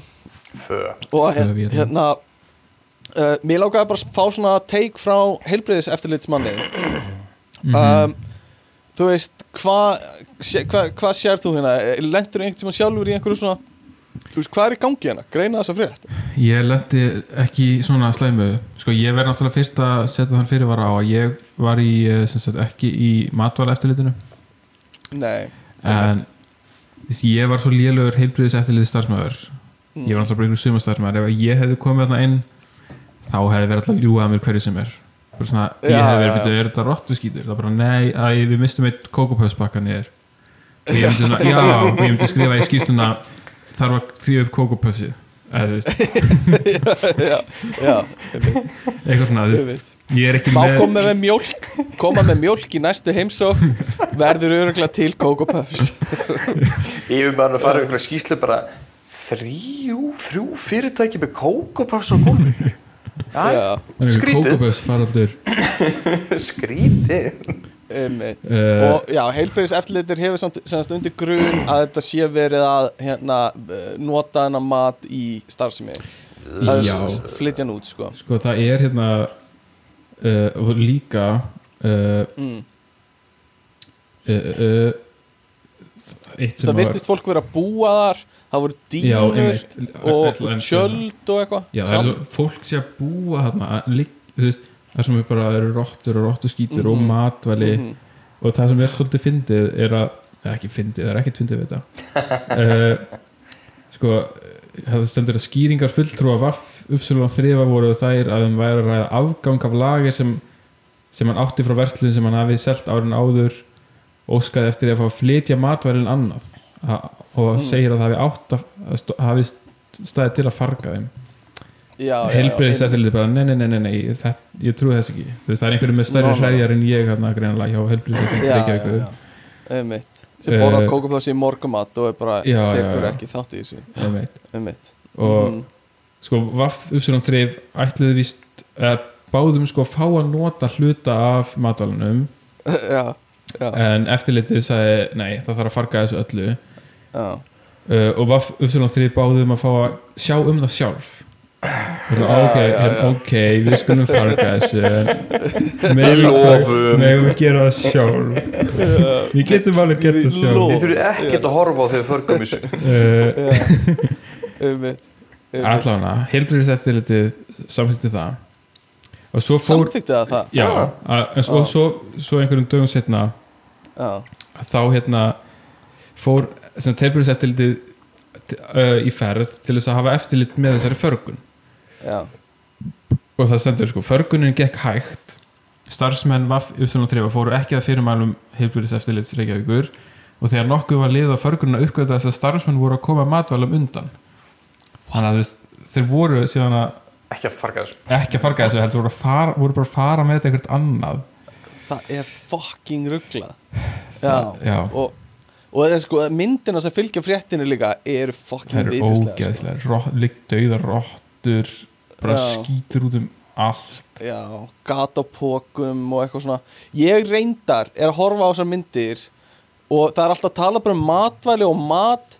Ég hef ekki hugmynd um hvað matur þetta er sko sem kemur í þessum pókum Nei, það, Þetta- er, þú veist, það eru samt líka sko aðrar myndir af einhverju svona einhverju grænmeti og einhverju ein myndur og einhverju fristikistu Já, reyndar. Og þetta er, virðist allt vera svona eitthvað sem þú myndir finna í einhverjum asískum markaði sko, eða mikið Já, af þessu. kannski. Þannig að ég, þú veist það er alveg ekki næs ef að ok, ég verði einu sinni farið á hann vietnamiska stað og það var ekki Já. mjög næs og öll reviews á Google eru ekki næs. Sko það, mér er alltaf fundið sérstaklega þetta er sko allavega eitt staðan sem er að laugavegi er á sko præm stað já við erum alveg margar góða staðsetningar. Það er alveg fyrir mér svona, það er smá þvóttaefnalikt af já, því já, sko. algjörlega. Já, og ef maður allt í þú veist, fyrst vorum við eitt stað þannig að á Suðurlandsbreytinu svo bara spruttu upp þrýr í Já. viðbót einhverstaðar nýri bæ. Ég hef aldrei, ég hef engin pælt í að fara á hana sko. stað. Pælt í því að því Já. mér finnst föð góð, réttur. Ég hef aldrei farið, ég hef aldrei heyrt um neitt sem hefur farið. Ég hef einu ekki. Nei, ég, bara, veist, það, ég- veit ekki um neitt sem er eitthvað að ég fyrir stundum á um, bara það, ég fikk Nei, sjens Þetta er Ajax, það er Ajax líktina sko. Já, já. Uh, Þannig að hérna uh, Fyrir hvað ætlaði Ajax líkti sín not Já, er spurning sko. að um, Já, að opna þessa póka og sjá hvort það sé eitthvað meira í þeim þessum mat, matvælum. Ég að- verða viðkynna því segirðu? þú fórst að tala um þessa frétt og ég fattaði ekki að þú hefðir farið úr línu fjögur í línu þrjú á handritun ég var bara hvenar kemur inn titillin á fréttin þetta neðstu ég var bara hvernig ætlum að tengja þetta við neðstu fréttina? Við neðstu fréttina? Ah, Ok. Uh, ég, veist, það er ein frétti viðbútt og ég, svona, ég, ég, var, ég, held þú ætlar að fara að tala um hana og ég var bara hvað, Já. hvenar kemur inn inn þessi frétt? Hvernig kemur kontentið inn? Uh, En sem sagt, næst, síðasta fréttin okkar er svolítið, svolítið áhugaverð saga bara sem, og fyrirsögnin er stál rafrænum skilríkjum og sveig út fjö mjög áhugavert svona aðferð sem var notuð hérna sem er smá skeri sko.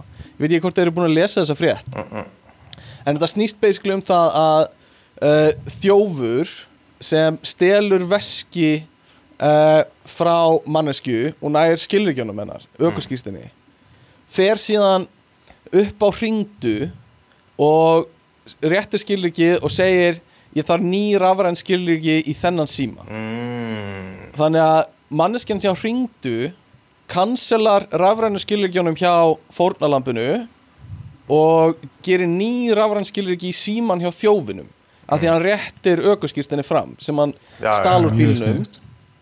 mjög sniðugt. Og svo segir hérna í framöldinu fór hann í heimabanka eigandans og hafði upp á pinnúmerum þannig að náðu Já, einhverjum já. pinnúmerum út úr þessu bara með rafrænu skilríkjónum tók 110.000 krónur út af kreditkorti sem er ekki eitthvað það slæm. Ég ætla bara max Eh, uh, en- já, frekar já. hefðbundu korti. Já, en svo kemur það sem mér finnst lang skrítast og hérna, auk þess að sækja um bankalán. Þú veist bara það kaupa þér íbúð og bara, ég, bara uh, ég sækja bara um undir fyrir þessu nafni og hérna, eh, ég veit ekki, ég, myndi mér að taka lengri tíma að prósessa það sko ég maður held að það Uh, veri einfaldar að fara inn á þú veist smálánadrasli og ring, ringum einhverju þar sko. Uh, Ætlaði bara að fá já. lánaði 50 miljónir bara og millifæra það sig yfir og sig. Millifæra, takk. Uh, Ég er í stórum framkvæmdum heima Ég þarf eiginlega 50 miljón krónur vextir bara hvað sem er sko, og, bara hendi og, ykkur á og, mig. svo- og svo millifæra það á bankin eitthvað. Já, Já. já, hann, æ, hann setti það vittlist kort, ekki málið. Það á hitt kortið en hérna, já, en allavega hann sækir bankalán sem þýr að kannski situr hann uppi fórnalabi með sko, þú veist, fær 50 miljónur en situr uppi með bankalán eða ég veit ekki, allavega Nei, það hlautur að vera uh, Já, það er ekkert mála, ég hef retta því sko. En svo segir sko, þá notaði hann ökuskýrtinni til þess að svíkja verkfæri út úr húsasmiðinni fyrir um hálfa miljón króna Ég held að sé í gegnum uh, einhverja verkfæra leigu já, uh, hjá greitt. húsasmiðinni já, já, uh, Og bara eitthvað svona, já, uh, ég þarf borvél og hérna, uh, ég þarf hérna, sláttuvél og hvað er þetta? Já, ég þarf það líka Já, og, þarf, og bara setja bara tek- þennan reikning. Setja bara- þetta nafn og svo Já, já.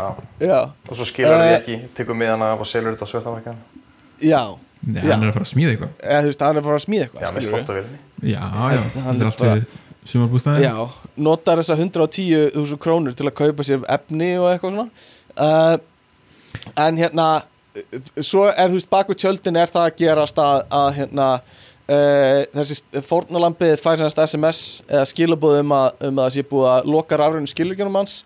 Uh, Og svo seinna fær hann um að það er búið að stopna nýja rafræn skiluriki á öðru símanúmri mm. og hann fær þetta semast, tilkynnt og hérna og svo bara uh, þú veist, ringir hann og spyr hvað er gangi hjá auðkenni. Mm. þú veist, hann fær síman hjá auðkenni og bara ringir þangað. Og þeir sögðust ekki geta gert neitt og sá sem ræður við mig getur rauninni ekki sagt neitt. Uh, já, og ég held að hann hafi já, Já, og hann bara segir, ég held að hann hafi ekki alveg trúa mér uh, en það trúði ég varla sjálfur að það væri verið að stela rafrænu skilríkjónum mínum. Þetta er mjög eðlilegt En þetta er samt bara annað stress í bátinu og týni veskinu þínu. Að þurfa alltaf núna Já. að fara að ringi auðkenni og vera bara hérna, ég er búin að týna korturinn mínu. Já. eða skilvíkjunum mínu, þannig að nú það bara þú veist, þetta er glórið enn annað drasl sem þetta lokaðu týni veskinu þínu sko.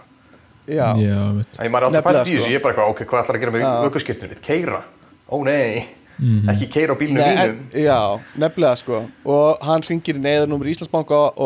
hann náði að loka kortunum sínum. En svo fær hann síndal daginn eftir frá öryggistjóra auðkennis og hann tilkynnti að starfsmæður ringdu hefði uppvitað mistök sín og lokaði starfræðinu skilvíkjunum þannig að þetta gerist degin, degi seinna. Hann fikk að hratt Uh, gert hjá hann um að tæma kortið allavega. Já, uh, og hérna ég, ég held að hann hafi lokað þetta er kreditkort, hann er bara með einhver heimild hana uh, og hérna já, og svo notar hann auðkenni til þess að staðfesta eitthvað kaup með, já, já, já, gegnum hann Já. íslingil, já, hvað þetta er alltaf einmitt. en Já. svo kemur líka svolítið steikt sko. þegar ég spurði af hverju starfsmæður auðkennis hefði ekki getað lokað uh, þegar ég ringdi deginum áður þá fekk ég þau svör að ég hefði þurft að nota rafræn skilur ekki til að loka rafrænu skilur ekki já, já, bara computer says no don't sko, bara já en að, já bara það ég láta ætla ég, þegar ég fór til að sækja vegabriðið mitt einhvern tímann mm. Fórum til hagstofunar eða þjóðskráðu whatever og Já.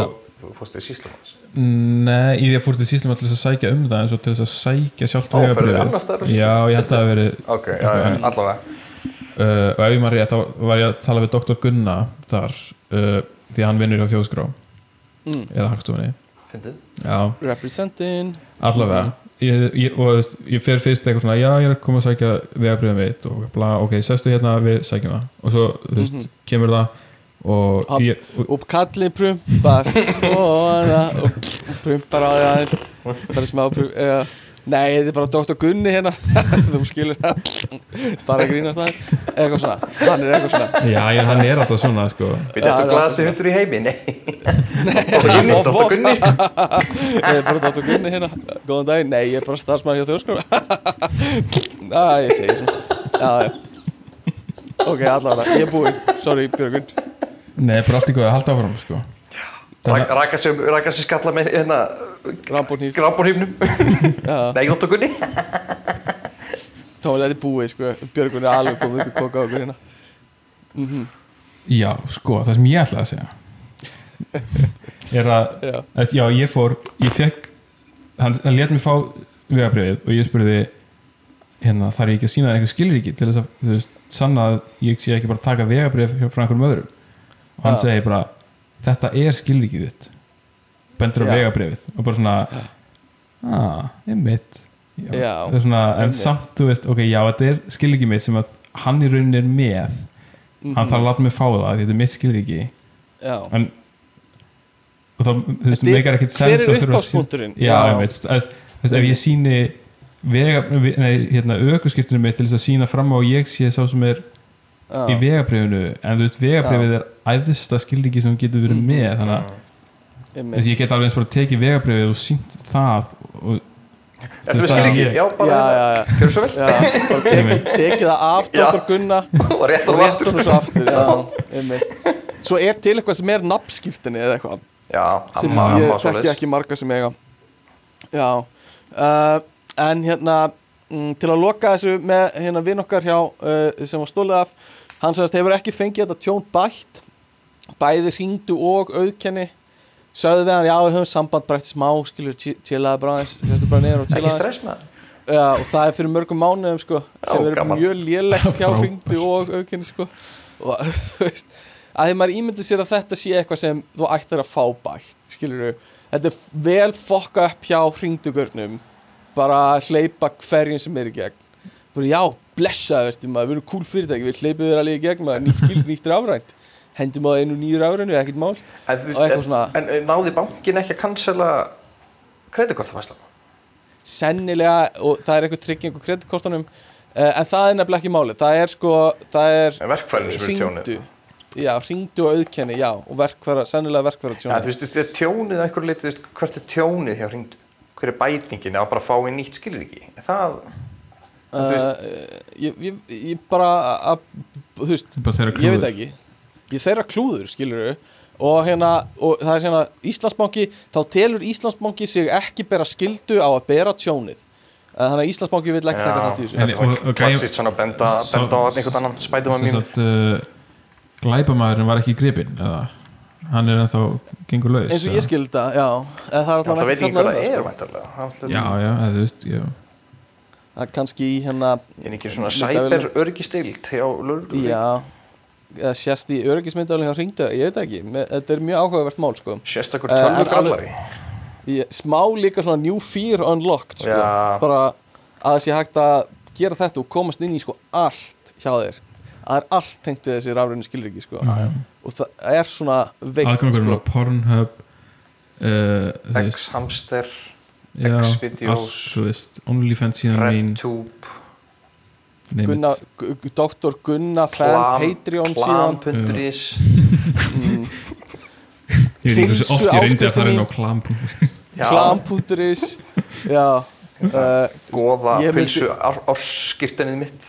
Já, ég, bara, ég fengi ekki pilsu, skilur, ég veit ekki hvað ég myndi gera. Uh, Allavega, uh, góða frétti vikunar og við erum ekki búin með nema hvað ein, ein klukkutíma og 20 mínútur á upptökum. Ekki neitt stráka, við erum á bullandi tempo hérna í dag.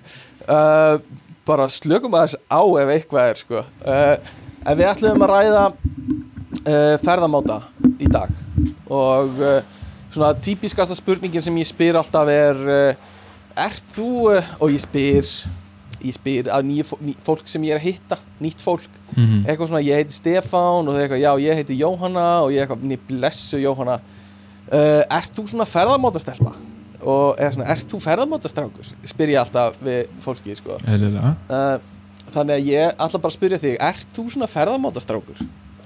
Ég er svolítið ferðamátastrákur Já, uh, Já, veist, ég ferðast stundum og þá nota ég oft einhverja ferðamáta þannig að ég get Það er ekki æðislegt. það er rosalegt, sko. hérna. þetta, ég, hef aldrei búist við því. Uh, en þetta er semast, já, ertu bókastrákur? Ertu, hérna uh, tilfinningastrákur ertu ferðamátastrákur? Uh, í, já, ég er ég mjög ekki að umræða um ferðamáta ef það er það sem þú spyrja mig að. já, kannski meira er ég veit ekki. Ég væri ekki hér ef ég væri ekki með ferðamáta Ég verði að veikina það. Nákvæmlega. Uh, tveimur jafnfljótum. Uh, en hérna uh, sko, í síðasta þætti sem við Björgi tókum með það var um bækur. Og við eittum svolítið góðu púður í að sko, spurningunni hvað er bækur skilur, hvað, hérna, hvað er hvað er bók? Uh, Þið, þið náðuð að eyða rosalega áhuga verðu magni af tíma í að ræða hvað er bók. Ég verð ég var að að gefa ykkur það. þetta sko. ég var að Þið hlusta á hring sólið um Já, að vera kjölur og Það er náttúrulega, ég var ekki búist við að það væri bara litur að skrilgrinning á bók. Já, ég var, já, eins og ég segi, ég var að hlusta á þetta og ég var bara, djöðl, getum við fucking bara að tala um svo, ómerkilegt, já, allana, hvað er bók? Hvað er ferðamáti, strákar? Ferðamáti er svona aðferð til að Aðferð? komast sko, á milli tvekja staða Er það ekki Já. einhvers konar fyrirbæri sem kemur þér á milli staða? ekkert endilega endilega? að, að fara á ganga, þú getur alveg kallað það ferðamáta Já, og, en það er ekkert fyrirbæri beint. Þú veist um að fætnir á þér. En Já. samt, það er, já, ég myndi að það sé aðferð til að komast á milli staða Já, En er bíl aðferð? að keira bíl er aðferð til að Já, komast á en er það ferðamáti? Að keira bíl? já, já, Er ferðamáti ekki segja- notað sem fyrir nafnur? ein aðferð er að Sko- fara upp í bíl og bílinn máti er í rauninni bara hvernig þú gerir eitthvað uh, Já, Eins og- háttur, já, já, já Já, háttur, sko. Vá, hvað það er- ég er ánægð með að við byrjuðum þessu umræði þetta er greinilega mjög mikilvægt og Já, þetta tildar er gott, skoðanir sko. Ætti að Eh, skilgrina þetta. Þetta hjálpa ekki þetta neitt er, þetta er sko ekki hva, hvað þú ert að nota heldur hvernig þú eh, gerir það. Já, Eh, svolítið. Þetta er sama og bara með eh, kynlíf sko, það skiptir ekki máli hvaða tól þú ert með heldur hvernig þú notar þau. Uh, og nú er Tommi að sína Björgun eitthvað í tölvunni sem Ég get bara ímynda mér ég að googlaði, googlaði ferðamáti skilgreining og efsta, efsti valmöðleikin til þess að á Google hjá mér er uh, skattmat hjá skatt.is Ah, Ég er að velta fyrir mig hvað gerðist. Einmitt, Já, frábært. Getur við prófað, Tommi getur við farið inn á klam.is fyrir mig? Já, ég skal fara inn á uh, ég skal fara inn á njósnavifin uh, Ok, byrju, ég er að skoða hvort að hvort að hérna Can't connect to server. Sko, það er reynst af klam.is klam.is að þú getur ekki skoðað incognito sko. Nei, klam.is er laust lén. Strákar, við getum keift klam.is en hvað er klam? Klam, það er bara klám, skilur við eða skelfisk Klám.is er líka laust, strákar. Klám.is er laust. Með ái Já, það má hafa, það má hafa eða núna það nýtt, hvernig, kom það inn Manst ekki þegar allir þurfti að installa nýju uppfæslinu á internetinu hjá sér?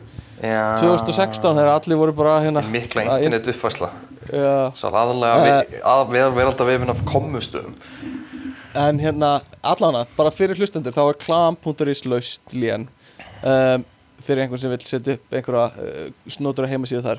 Um, En, já, semast, ok, þá bara, uh, bara í beinu framhaldaði hvað ferðamáti er er spurningin sko, hver er besti ferðamátin uh, og svona í, í svona uh, í, í, í svona tengslum við það er ég með sko að ranka ferðamáta bara saman. Og við þurfum ekki að gera það formulega við þurfum bara að segja að þessi er góður eða slæmir. Uh, og þá tók ég bara svona, svona venjulega ferðamáta því ég held að við ætlum að fara í svona skrítnari ferðamáta seinna í, þættinum mm. uh, þannig að við erum með sko hver er bara besti ferðamátin við erum með bíla og hjól, móturhjól almenningssamgöngur labba, fljúa, sigla skemmtifærðarskip, gámaskip, jábrautarlestir rútur, ramakshjól og svo eitthvað svona stupid shit eins og hjólabretti, hjólaskautar eitthvað svona liggjandi hjól, skrítin hjól eitthvað svona skíðavélar sem þú ert að skíða og eitthvað svona Sko, uh, og ég, ég, ég setti svona almenn samgöngur saman, þú veist, það er þá strætó, sporvagnar, lestir eða subways. Þú veist, uh, þú veist, talar um besta ferðamátan. Þú veist, er einhver, er einhver, er einhver rammar, er einhver It depends on how what I'm feeling today and if I'm hungover eitthvað svona, burt með þetta. Við erum að taka um bara vibes, sko. við erum bara að tala um vibes. skilur við uh, engin rammar, við höfum þetta opið við erum frjálsir strákar sem búum í frjálsum löndum og gera það sem við viljum. Ég sé fyrir mér, Ef ok, þá, þá er ég með svar. Ef Það er ekki allir að setja fleiri opna ramma fyrir mig. Sko, four score and seven years ago. Þá byrjuðu ferðamátar að koma til Ísland nei, ég ætla ekki að fara með eitthvað ræðu. En hérna, kóta með hot take-ið Tómas, hver er Ekkert besti hot take, ferðamátur? ég myndi segja bara ég myndi segja bara stór rúmgóður engabíl væri á blaði held Mm. í besti ferðamáti Byrju, í hvað, hérna, hvaðan ert þú? Í hvað sveitafélagi ólstu? upp? Í hvað sveitafélagi ólst ég upp Já, Garðabæ já, já, alveg rétt, alveg rétt mm, einmitt, einmitt það, einmitt það uh, Ok, Björgvin, hver er besti ferðamátur? uh, ég ætla bara að vera á, hérna, öndurðum með, ég ætla að segja góð, rungóð, stór lest Uh, ok. Er það bara væpið í lestinu? Finnst þér gaman? Og í, Ok, í, hvað, í hvað hérna bæjarfélagi ólst þú ólst þú upp segir uh, ég ólst upp í Garðabæ þar sem að lestar á milli Garðabæjar og Kópavóks og Já, ég tók alltaf lest tókst alltaf le lestin á æfingu? Já, einmitt.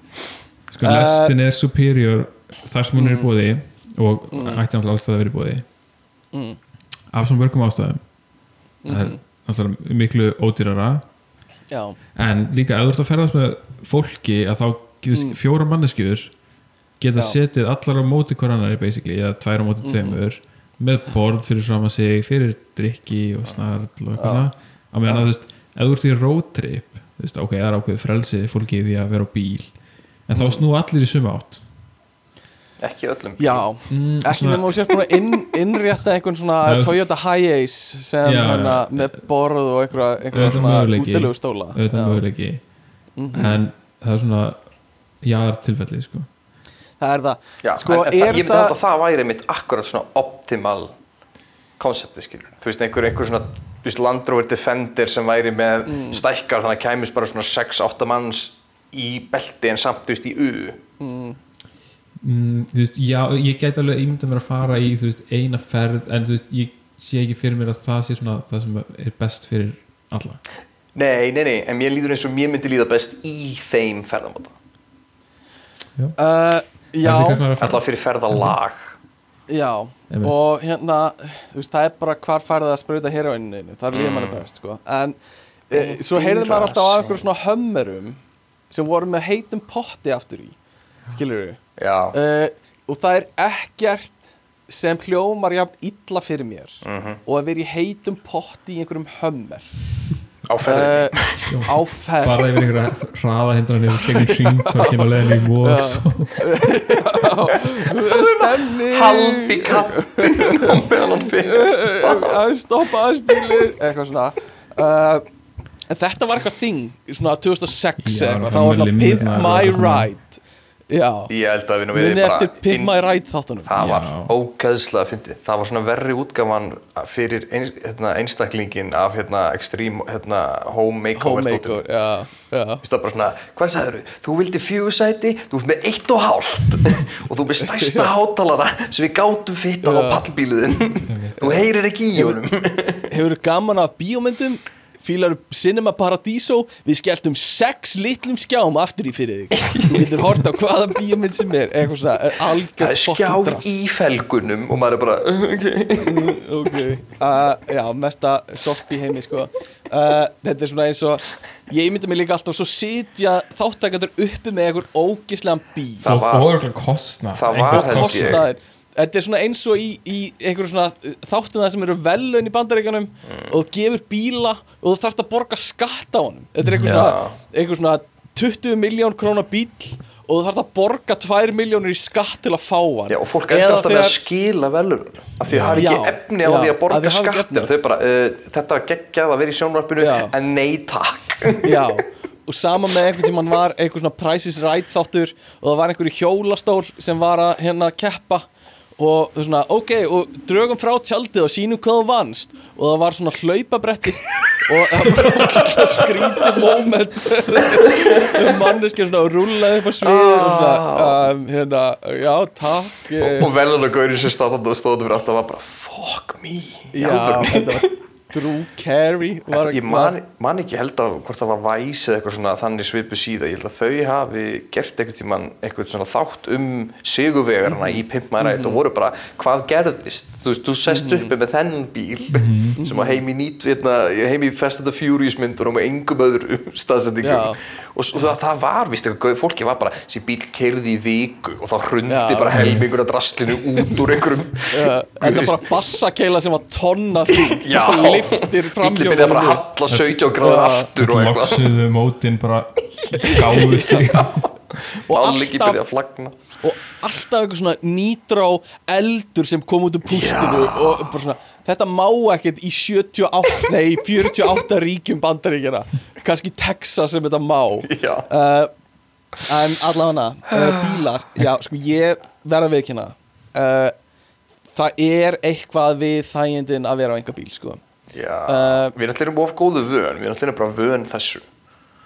Já, en við erum samt svo vondu vön að við kunnum ekki á almenningssamgöngur. Það er ekki spurning um að kunna, við, ekki, ekki að byggja þar allavega. Já, líka bara, þú veist eh, bara, þú veist, við, það er bara einhvern veginn bíl er bara svona default. Það er bara átó að það er átó. það er, átó, automóbíl. Það er, en sko meira að segja þegar hérna, þú veist, ég hef lendið í að þú veist, og ég er svona manneskja sem að allan á undanfærið hef jafnvel þegar ég var á Íslandi þá var ég svona, þú veist, ok, ég ætla að reyna að nota bílnæðins minna, tek strætó þegar ég get og eitthvað.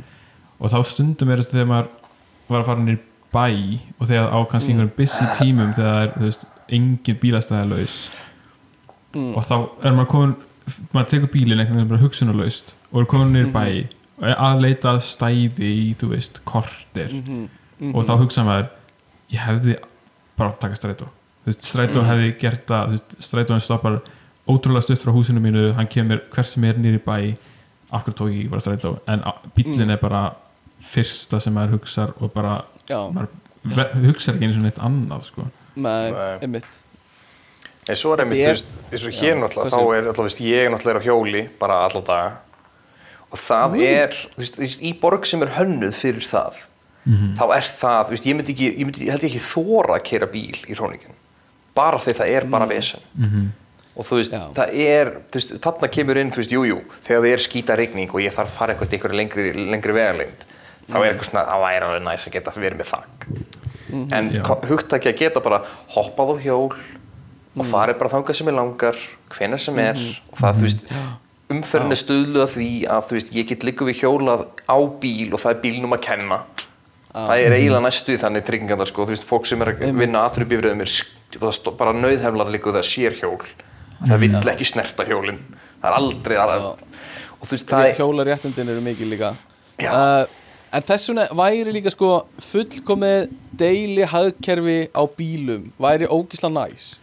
Þú veist, þegar væri bara meir en 50% af bílum væri bara einhver svona sért bílar skilur við það væri frábær viðbót við gott almenningssamgöngukerfi eða svona Já. stuðningur við er að er að smá, svona eins og hoppbílinn sem er Ég- svona byrjað að reyna þú það er náttúrulega bara það það er bara Já, ég er að segja sko. það nema bara það væri helmingurinn af bílunum Þú veist, þá gæti maður tekið strætó eitthvað og ef maður þyrfti svo að komast eitthvað það sem er bara ógeðslega leiðinleg strætó aðgengi þess að þú ert að taka þrjá skiptivagna eða ert að flytja eitthvað frá IKEA eða eitthvað, þá getur þú tekið bara hoppað í næsta bíl sko. uh, og hérna Í, En- í sumar þegar ég hjálpaði var ég hjálpaði Agga hérna að flytja inn þingsta borð sem ég hef séð.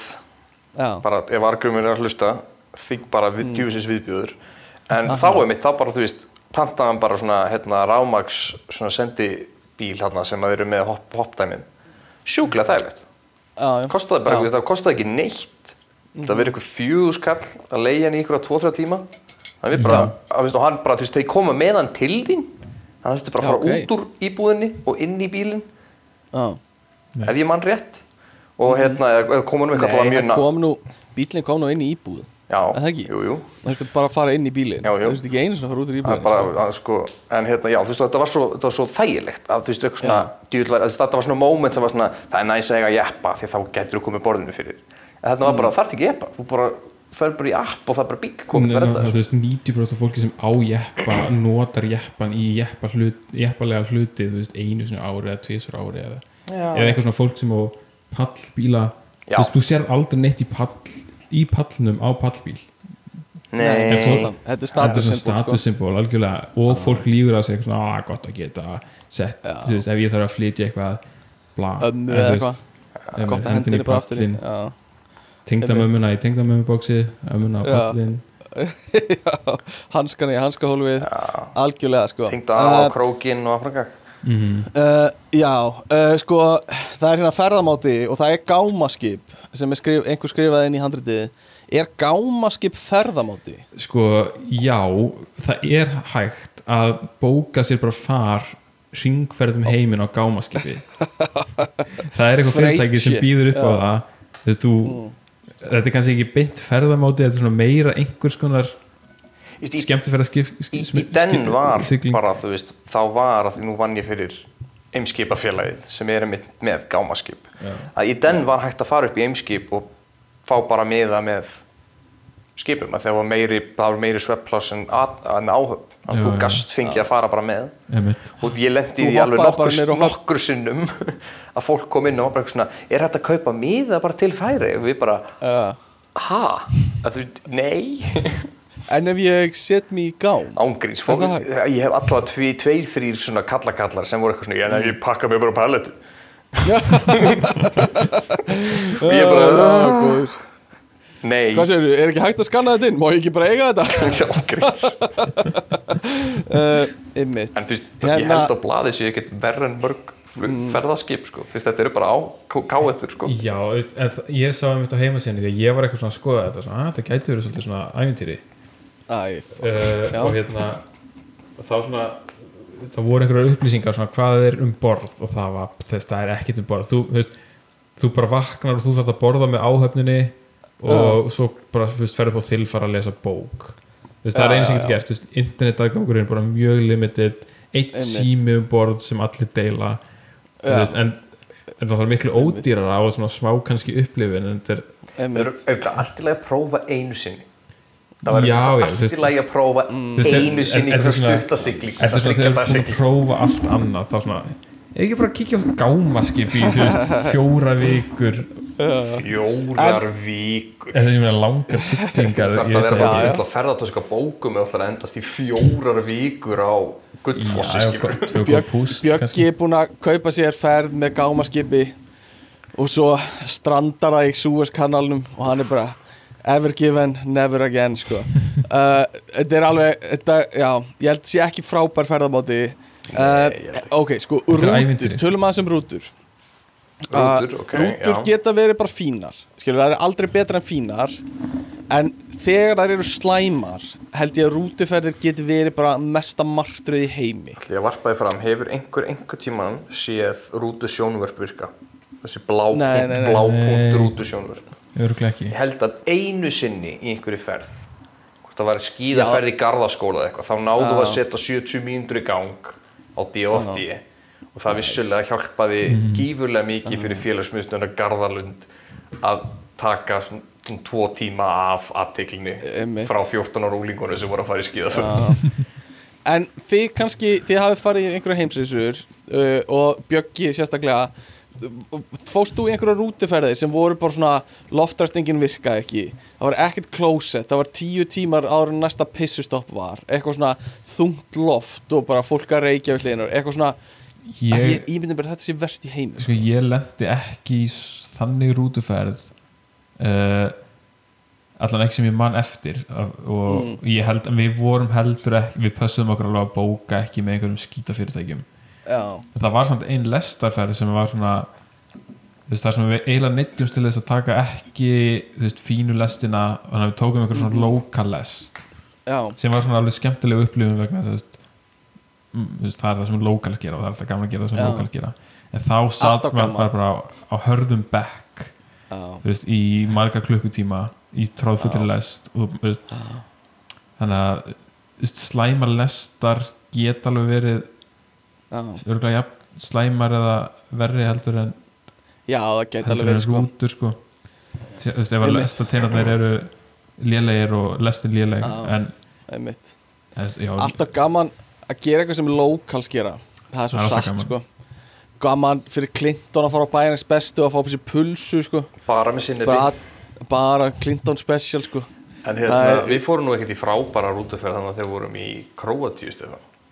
Við fórum í rútuferð Það var bara uh, sendibíla Við vorum bara búin að leiða okkur stóran bíl sko. Já, ég er ekki að tala um að fara til Króatíu. Þegar vorum í Já, Króatíu, fórum í þjóðgarðin. Já, já, já Fórum já, í rútuferð, það var ekkert já. rútuferð, samt alveg Nei, eitthvað. Það var alveg, bara það að hún virkaði ekki, hérna, loftrastikki var bara nóg fyrir þunna, þunna menn til að geta valla hundla þessa ferð.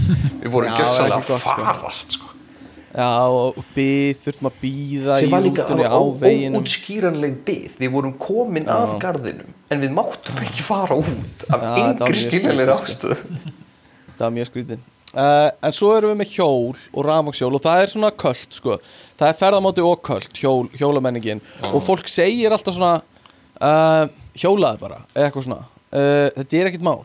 Og þú veist, já, já, allt í lagi En þetta er samt alveg mál Og veist, rafmagnshjól hafa gert Íslandi mjög gott sko. Það er svona, svona semi-jafnar út brekkurnar Já. fyrir fólk sem er á hjóli Róbili. uh, en það er samt ennþá fucking skýta veður oft á Íslandi. Uh, og ég veit að fólk segir bara klenni í mér eitthvað svona bla bla bla. Uh, bara fuck off, skilur í fyrsta lagi.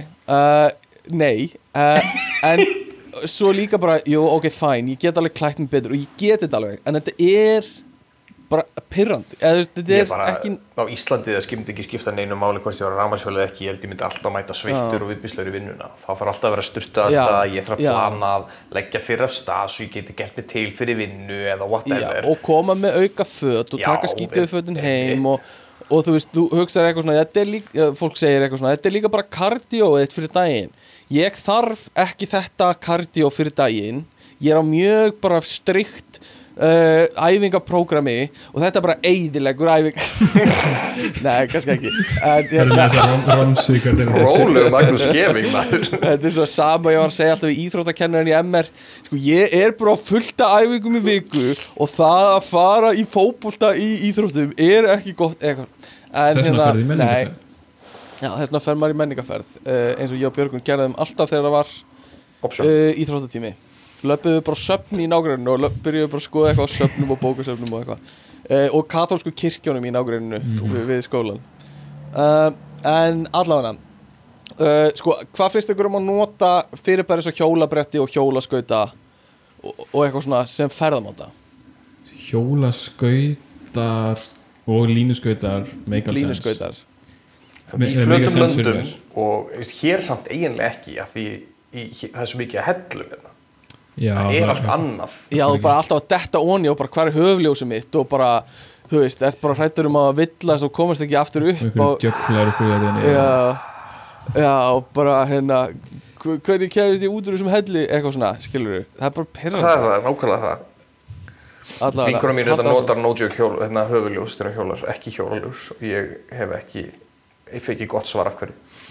En ég finnst einfaldar að vera með höfuljós í vasanum allan tíman, alltaf. Það er bara fínt, sko Ég held alltaf að maður eigi bara að vera með be- það er bara einfaldara, ódýrara og þægilegra að kaupa bara ljós og setja á hjólið.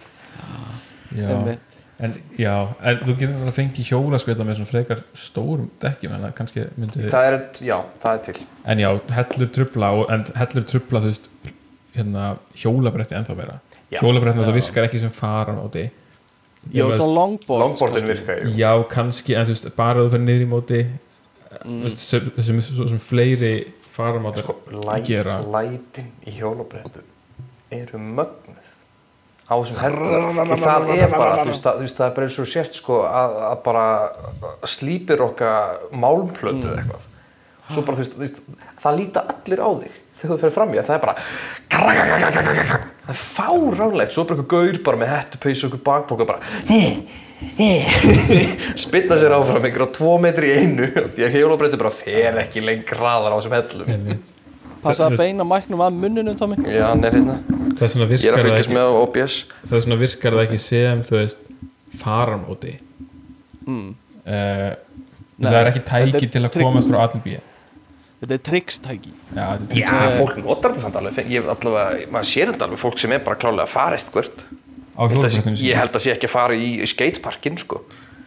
kannski er þetta fólk sem já, en það er kannski bara fólk sem er alltaf með hjólabretti með sér.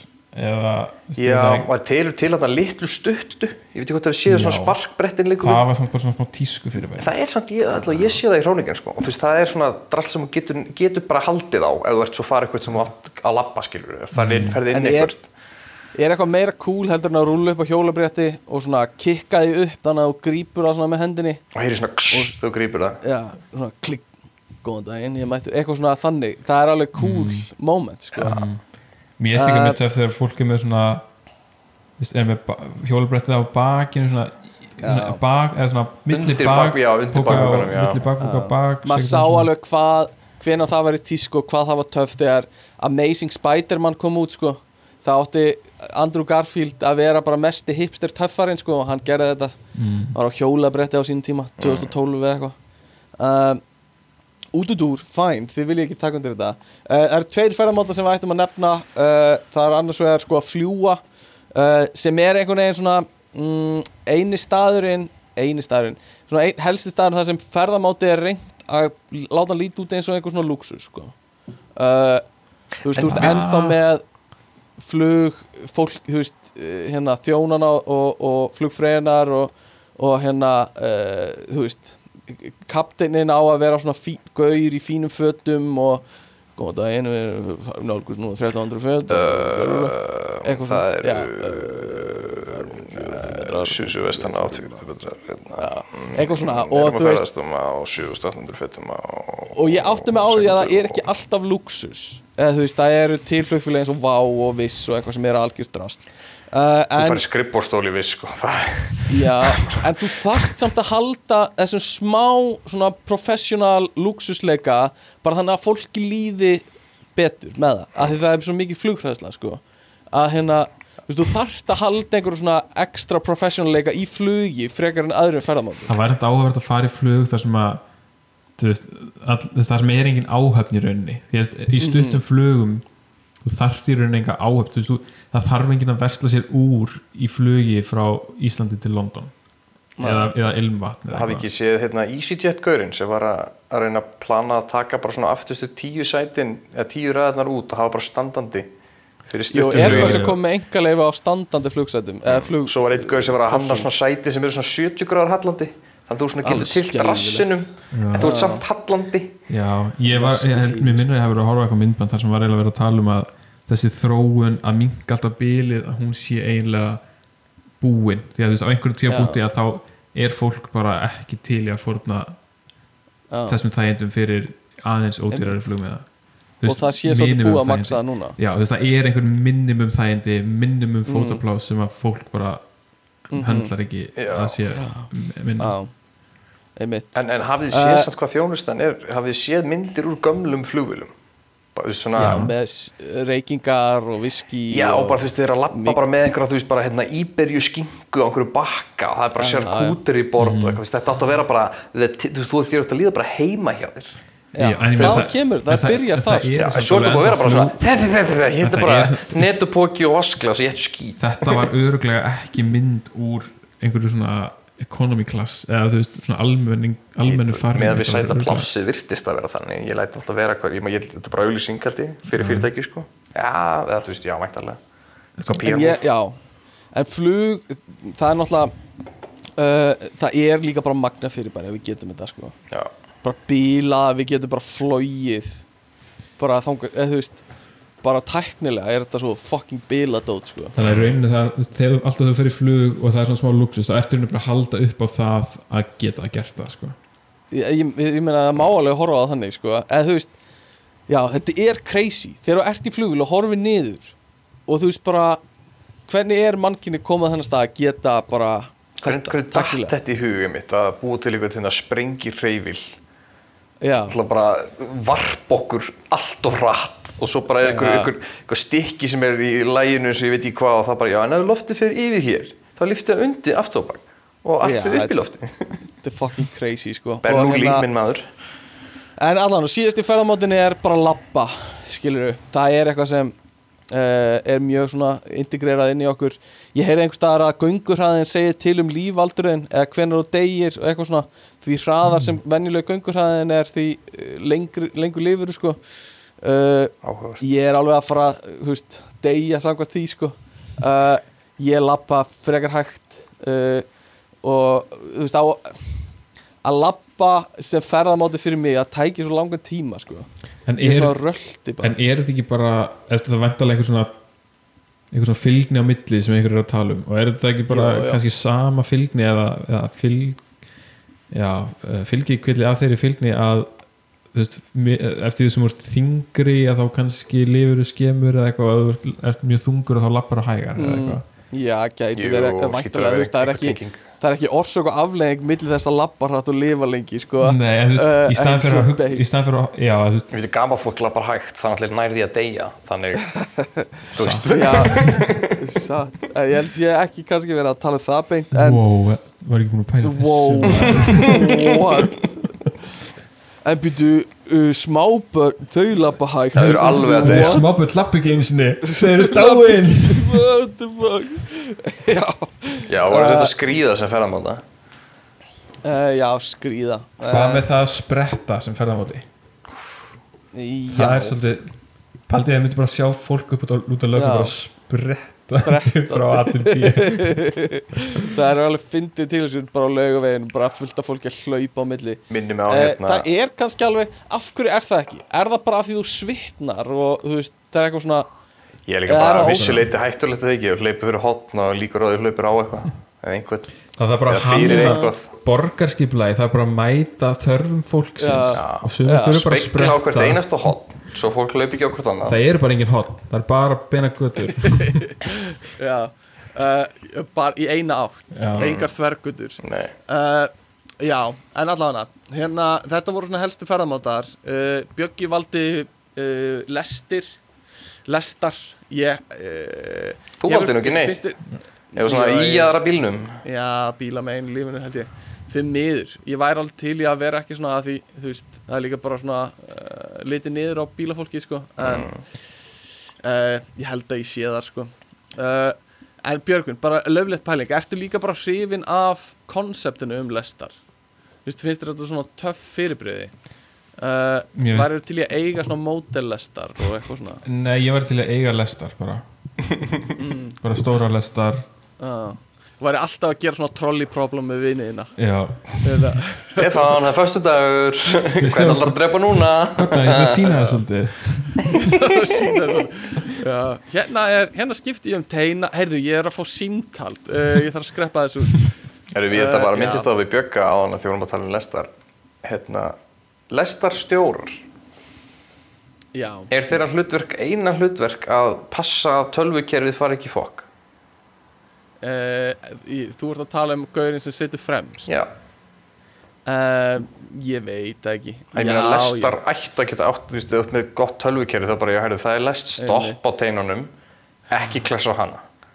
Já, ég Það- býst við þetta sér og sem mikið bara eins og flugmenn núna sko bara passa að vera til staðar ef eitthvað gerist. Já, ég held til líka bara að sniða þetta í lest að þú ert- ef þú ert að reka fyrirtæki þar sem, og þú ert með lest þar sem að sem er algjörlega sjálfvirk og þú ert bara með 200-300 manns í einhverju túpu og það er engin fyrir hönd fyrirtækisins, Já. einhver öryggis fulltrúi eða eitthvað ástæðanum til þess að taka stjórna aðstæðum eða eitthvað gerist eða já, eitthvað. já, þetta er svolítið þannig sko. mér finnst mér finnst svolítið áhugaverð líka pælingin um sko fólki sem er að taka, tjekka miðunum sko, miðatjekkarinn í lestum. Já, uh, eru þeir hot? Skilur Eru þeir svolítið svona- Uh, sem starfstitill eða bara fólki sjálf þeir eru náttúrulega ráðinir bara út á það hvað þeir eru hot hot sko, þeir eru svona eins og lík- starfsmennir í Joan and Juice þú veist, bara, þú þarft Já. ákveðin Þeir þurfa samt að vera myndarleiki. þú ert að vera með fólk sem getur verið confrontational af því að það er fólk sem er að smigla sér lestir sem má ekki og þú þarft að vera fólk sem getur verið bara þú ert að svindla. Mm, og ég þú ert að fara út á næstu sko- stöð og vera, þú ert að vera svolítið típa til að vera algjörlega. Án þess að vera ókurteis en samt strángur ég er líka að hugsa sko hérna Æ, uh, ég eins og skil. strætóbílstjóra sko. Þeir eru í einkennisklænaði sko. Það er er það ekki svolítið hot eða? búningar, Þú alltaf sérð- einhverjus búningar eru hot. Það er bara basic Já, í lífinu. þegar þú sérð strætóbílstjóra að rúlla upp í bláu skirtinu sinni í flýspeisinu með rauða S-inu utan á og þú svona, hú, færið eitthvað frá hérna er eitthvað maður með authority að koma sko. og sér hann að veifa úr- hinu bílstjórunum þegar hann mætir Já, veifa kemur út úr hérna uh, strætó klósettunum sem eru fyrir hérna strætóbílstjórna svona reglulega. Það var eitt svona strætó klósett stöð í áskarið hjá í Garðabænum. Maður sá sem þetta Veist- inn um og maður, ég vil ekki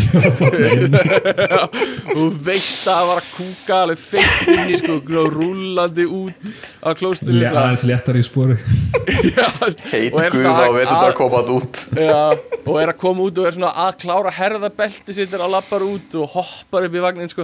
Ég er bara að hugsa, Þetta er er hann svona hurðinni niðri. já, já, ítur á takkan við hurðinni niðri einmitt. Leini- leinitakkan leinitakkin sko. Uh, já, ég var bara að hugsa, er ekki svona einkennisklættir starfs, starfsfólk svolítið hot sko? Jú, jú. Um, flotti búningar í henni ég, sko. ég man eftir uh, ég man eftir sko að það var alltaf einn strætóbílstjóri þegar við vorum í gardaskóla og ég tók uh, strætó í skólan eiginlega alltaf. Uh, og hérna uh, hann keirði alltaf leiðina þegar ég var að fara og jafnvel líka á leiðinni heim. Uh, og svo sá ég hann í bíói. Og það var alveg svona smá starstruck moment þar sem ég var bara að byrja, ég þekki hann að gauður er, er, er hann frægur? Eða þú veist, ég veit ekki alveg hvað hann kemur sko, þá var hann þetta var svona miðaldra uh, kall, svona gamall kall og hann var einn í bíóinu sko, svolítið, ég held ég að vera með bjögga í bíóinu að þetta var. Og, og hérna, leið smá illa sko, að sjá hann þú veist, einan í bíó og hérna uh, vitandi að hann átti miklu betra skilið skilur en þú ert Uh, afið talsmaður þess að fara inn í bíó er ekki bara alltaf leið Já, það er alltaf lægi en, en hérna, þú veist, hann var svona uh, mér fannst eins og hann væri að reyna að eignast vinni, sko, í bíóferðinu var, var hann að kaupa tvo poppoka til þess að líta ekki út til að vera einn í bíó?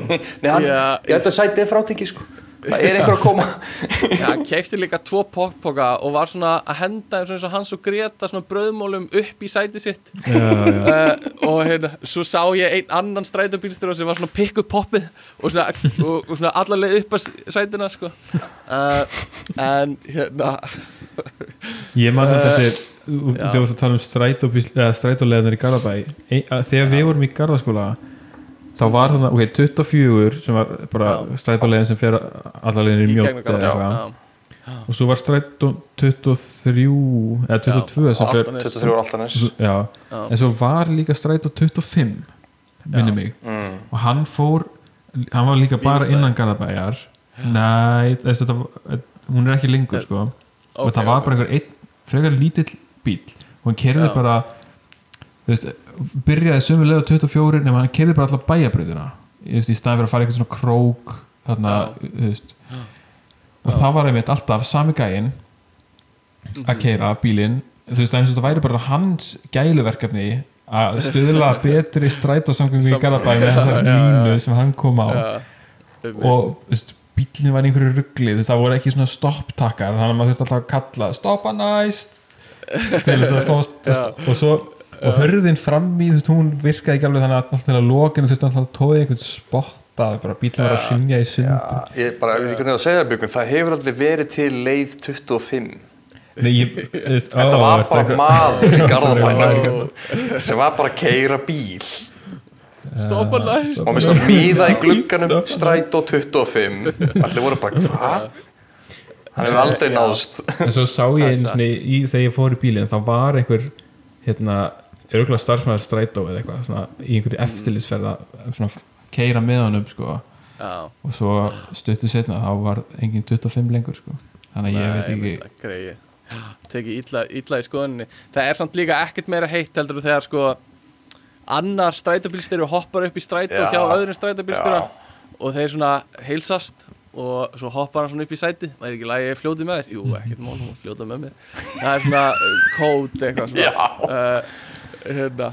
og þú sérð að það er, hann er í strætóm sko múnderingunni sinni uh, hinn strætóbílstjóri hann er í bláu skýrtum hann veit að hann fær ekki frítt far nema hann sé í einkennisbúning En heldur að maður gæti bara fengið sér svona strætóbúning og fengið alltaf frýtt í strætó uh, já, mögulega sko bara sælir hugsa ég að það. fara bara á næstu stöð, ég er bara að fara hann á hlem já, Ég er hringi að fara- bara, Já. finnur út hver supplyar búningunum í já. Já, til strætó og svo kaupir svo bara patsa og saumar á það. Þetta er eins og Georg Freðarsson í fangavaktinni þegar hann keipti sér bara múndiringuna hjá já, fangavörðunum sko, og var í gerðist þetta ekki ah, gott. gerðist þetta ekki eitthvað við eitthvað fyrirtæki? Eða Ég veit löggun ekki, eða eitthvað? vel það var einhver sem komst á því hver var að skaffa löggunni mm, vinnubúningana og kifti sér bara eins föt það, saumaði ekkert á það en þetta var það líkt lögreglu búningum og það var, mm. þetta var eitthvað vesen sko. Ég Það eins og sko. þegar ég var að vinna á golfvellinum í Urða, nei, hérna, í, Ur, á Urðavelli í Garabæja þá einmitt Þú veist, við vorum í svona peysum sem voru mertar sko, og það hefur einhver fundið út hvað það voru keftar og allt í hennu var bara einhver að vinna þarna sem að var bara hann að slá grínin á þess að það Já. er skrítið einmitt. hvað vilt þú gera lífinu? eins og- eins og bara- eins og bara Will Smith á Óskarnum sko já, að hérna slá grínin allavega. Hérna sko förum e, í næsta. Thomas, come on. Þú verður. Ertu að segja mér að Thomas? Ha, já, já, slá grín slá grín, allavega grínin. Ok, ekkert mál. Uh, hérna, sko, við erum með fullt í handritinu. Oh my god. Sko, hvað er er að gera hérna? Uh, sko, hvernig eru ferðamótar á Íslandi reiki, við erum eiginlega búin að tekla uh, undarlegir öðruvísi ferðamótar. Mm. og tala um það? Já, ég sett eitthvað niður alltaf sem ég veist þeirra svona tildulega Mm. undarlegt eða öðruvísi. Alltaf er eitthvað komið hér sko hjá okkur. Já, ég, ég skrifaði niður. Já, undarlegir öðruvísi ferðamótar, hafið þið séð fljótlapi skona? er það Heelys eða? Nei, nei, nei, en það er ekkert ósvipa koncept. Uh, Semst fljótlapi skór er basically svona svona, svona einhver svona uh, drasl bara, það kalla á það. Uh, uh, einhver svona gúbbi sem þú svona setur undir skónaðina sem er með fjórum hjólum eða sex hjólum eða eitthvað og á að geta beigst svona smá með tánniðinni og svona, bara svona fylgir svolítið skónum eftir og er ramax, þú, þú veist, bara knúið, ramax knúið og þannig að þú veist, þú átt að lappa og þetta svona rennir þér áfram. svona svífur svolítið. Já, hraðar og þú Já. kannski 50% hraðar í göngur Þetta er svona smá eins og að lappa á svona escalator eða svona, svona uh, það sjálfgangbraut. heitir. Já, svona Já. gangbraut á flugvöllum nema bara uh, hvar sem er. Og þetta, en þetta er gjörsamlega misefnað þetta er bara svona þetta er svona klikk, klakkar þú svona klikkiti, klikkiti, klikkiti, klikkiti hvert skipti sem hann lappar og þú veist, þetta hjálpar þér ekki þetta er ógeðslega óþægilegt að ganga á þessu allavega öllu sem ég séð hver, hver, hvers konar undirlagi þarf það að vera? Þarf það bara að vera á gjörsanlega Hlaupabraut bara. rennisléttu undirlagi? Sko, þetta á að virka basically á flestum stöðum og þetta á að svona læra inn á þinn göngustíl hægt og rólega. Vá, og þú veist, þú átt að technology. stoppa frekar hratt. En þú veist, ég meina, ef þú ert að lappa og ert að fara að lappa á einhvern skilur þá ertu samt bara klikkit í klakkit og bara klessir á einhvern, sko. Þannig að, hérna, þetta er uh, alveg svona öðruvísi ferðamóti ekki næs eða svona smá misefnaður uh, en mér finnst það frábært það- mér finnst það góð hugsun þetta er er Eh, fín, hugmynd sem bara gekk ekki alveg upp. Já, verkefni sem að já svona basically sko. Uh, svo liggum við eitthvað hugmynd að vera með of, veist, þannig hæl að þú hallir áfram. Þannig að þú svona, ert alltaf, alltaf svona að spíkspora lengra. Eða, mm. veist, þú veist, þú hraðar lappinu eða með ef lappinu er að halla x sko. Já, ok, ein pæling, ein pæling. Ef þú ert bara í einum svona skó þá rennur hann. fæti. Ertu þá ekki lengur á tveimur jafn fljótum? Lappar ringi uh, nei þá erst á einum fljótar tveimur en og- hinum. Einum fljótar en hinum, já, 100% um, einum ofljótum Svo var ég með Já. Já, einum og fljótum. Uh, Svo var ég með sko Segway og hoverboard pælingarnar. Mm, uh, Það var ekkert meira cool heldur en Segway árið 2006 sko. Nei. Það við farið á Segway? Ég hef aldrei farið á Segway. Ég var alveg til ég mm, Ég held ég við staðið á Segway Þú veist, ég, ég fór ekki á ferð en ég held ég að prófa svona, þú veist, að, þú veist, að prófað að vera á Segway. Ég, ég fór Já, ekki til já. ykkur að vega lengt en Nei, en þetta er basically, þú veist, þú hallar þér áfram og Já. þá fer það áfram og hallar þér tilbaka, þetta er svona eitthvað hallabeist og svo var hoverboard sem var mjög vinsalt fyrir svona fimm árum með eitthvað. Já. uh, það svo stendur á, það er basically segway nema ekki með súlunni ég sá á, uh, sá hérna þetta er svona eins og Goldfinger eftir árið 2008 mm. skilur við mm. uh, hlutur, bara ekki með súlunni. Sá svona í Eh, Brussel, segirðu? þá var á var maður sem að við númi vorum ykkur skröldi þarna uh, senasta vor. Og Mm. á maður sem stað, hann var með sem sagt það var einhjóla Segway bara eitt hjól með svona handfangi svo ploppuð út svona tveir svona, til að sta- svona prammar til að standa á. Og hann var bara árið svona solid 25-30 km hraða bara hallað sér áfram á einhverju einu dekki og ég hugsa bara smá til vinstri, smá til hægri eitthvað klikk og þú ert bara og hann var ekki, þú veist, engi hjálmur eða neitt þú veist, ekkert, þú veist, það er ekkert að hjálpa þér að stoppa eða setja neitt, þú veist, þú bara ferð á andlitið. Uh, Ef þú man- eitthvað þetta er, það eru alltaf einhverju svona búbar sem þú veist tilengar sér svona skrýtna ferðamáta Já. og, og bara hluti af identitynu ge, já, gera það að lífinu sínu. Þetta var eins og þegar við vorum yngri þá var alltaf einhver sem var að fara fram hjá Hofstaðaskóla þegar við vorum bara í fimmtabekka eitthvað Mhm. sem var á svona bensínknúnu uh, hlaupahjóli.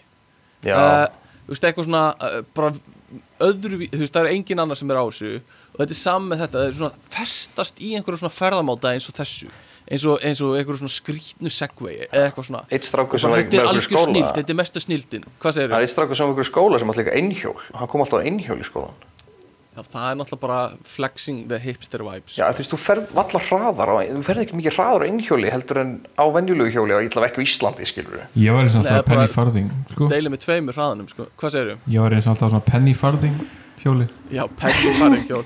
Uh, Fyrir hlustundur sem vita ekki hvað það er þá er það svona göml, gamaldags hjólin það sem er svona eitt stórt hjól og eitt pínulíti hjól sem hérna er fyrir aftan Petaldur er bara tengduð framhjólið. Já, penny farthing er æðislegt sko. Uh, Og svo var ég með skrítin ferðamáta líka sem er monorail. Hafið heyrt um monorail? eða bara Simpsons. Já, úr Simpsons til dæmis. Þátturinn sem Conan skrifaði, frægast fyrir það. Uh, Monorail er sem sagt svona átt að vera ferðamáti framtíðarinnar fyrir löngu síðan, það var alltaf það var svona pælingin að gera þetta ferðamáti framtíðarinnar. Og þá er það basically lest í rauninni nema hún er ekki á teinum heldur hengur niður úr einum teini.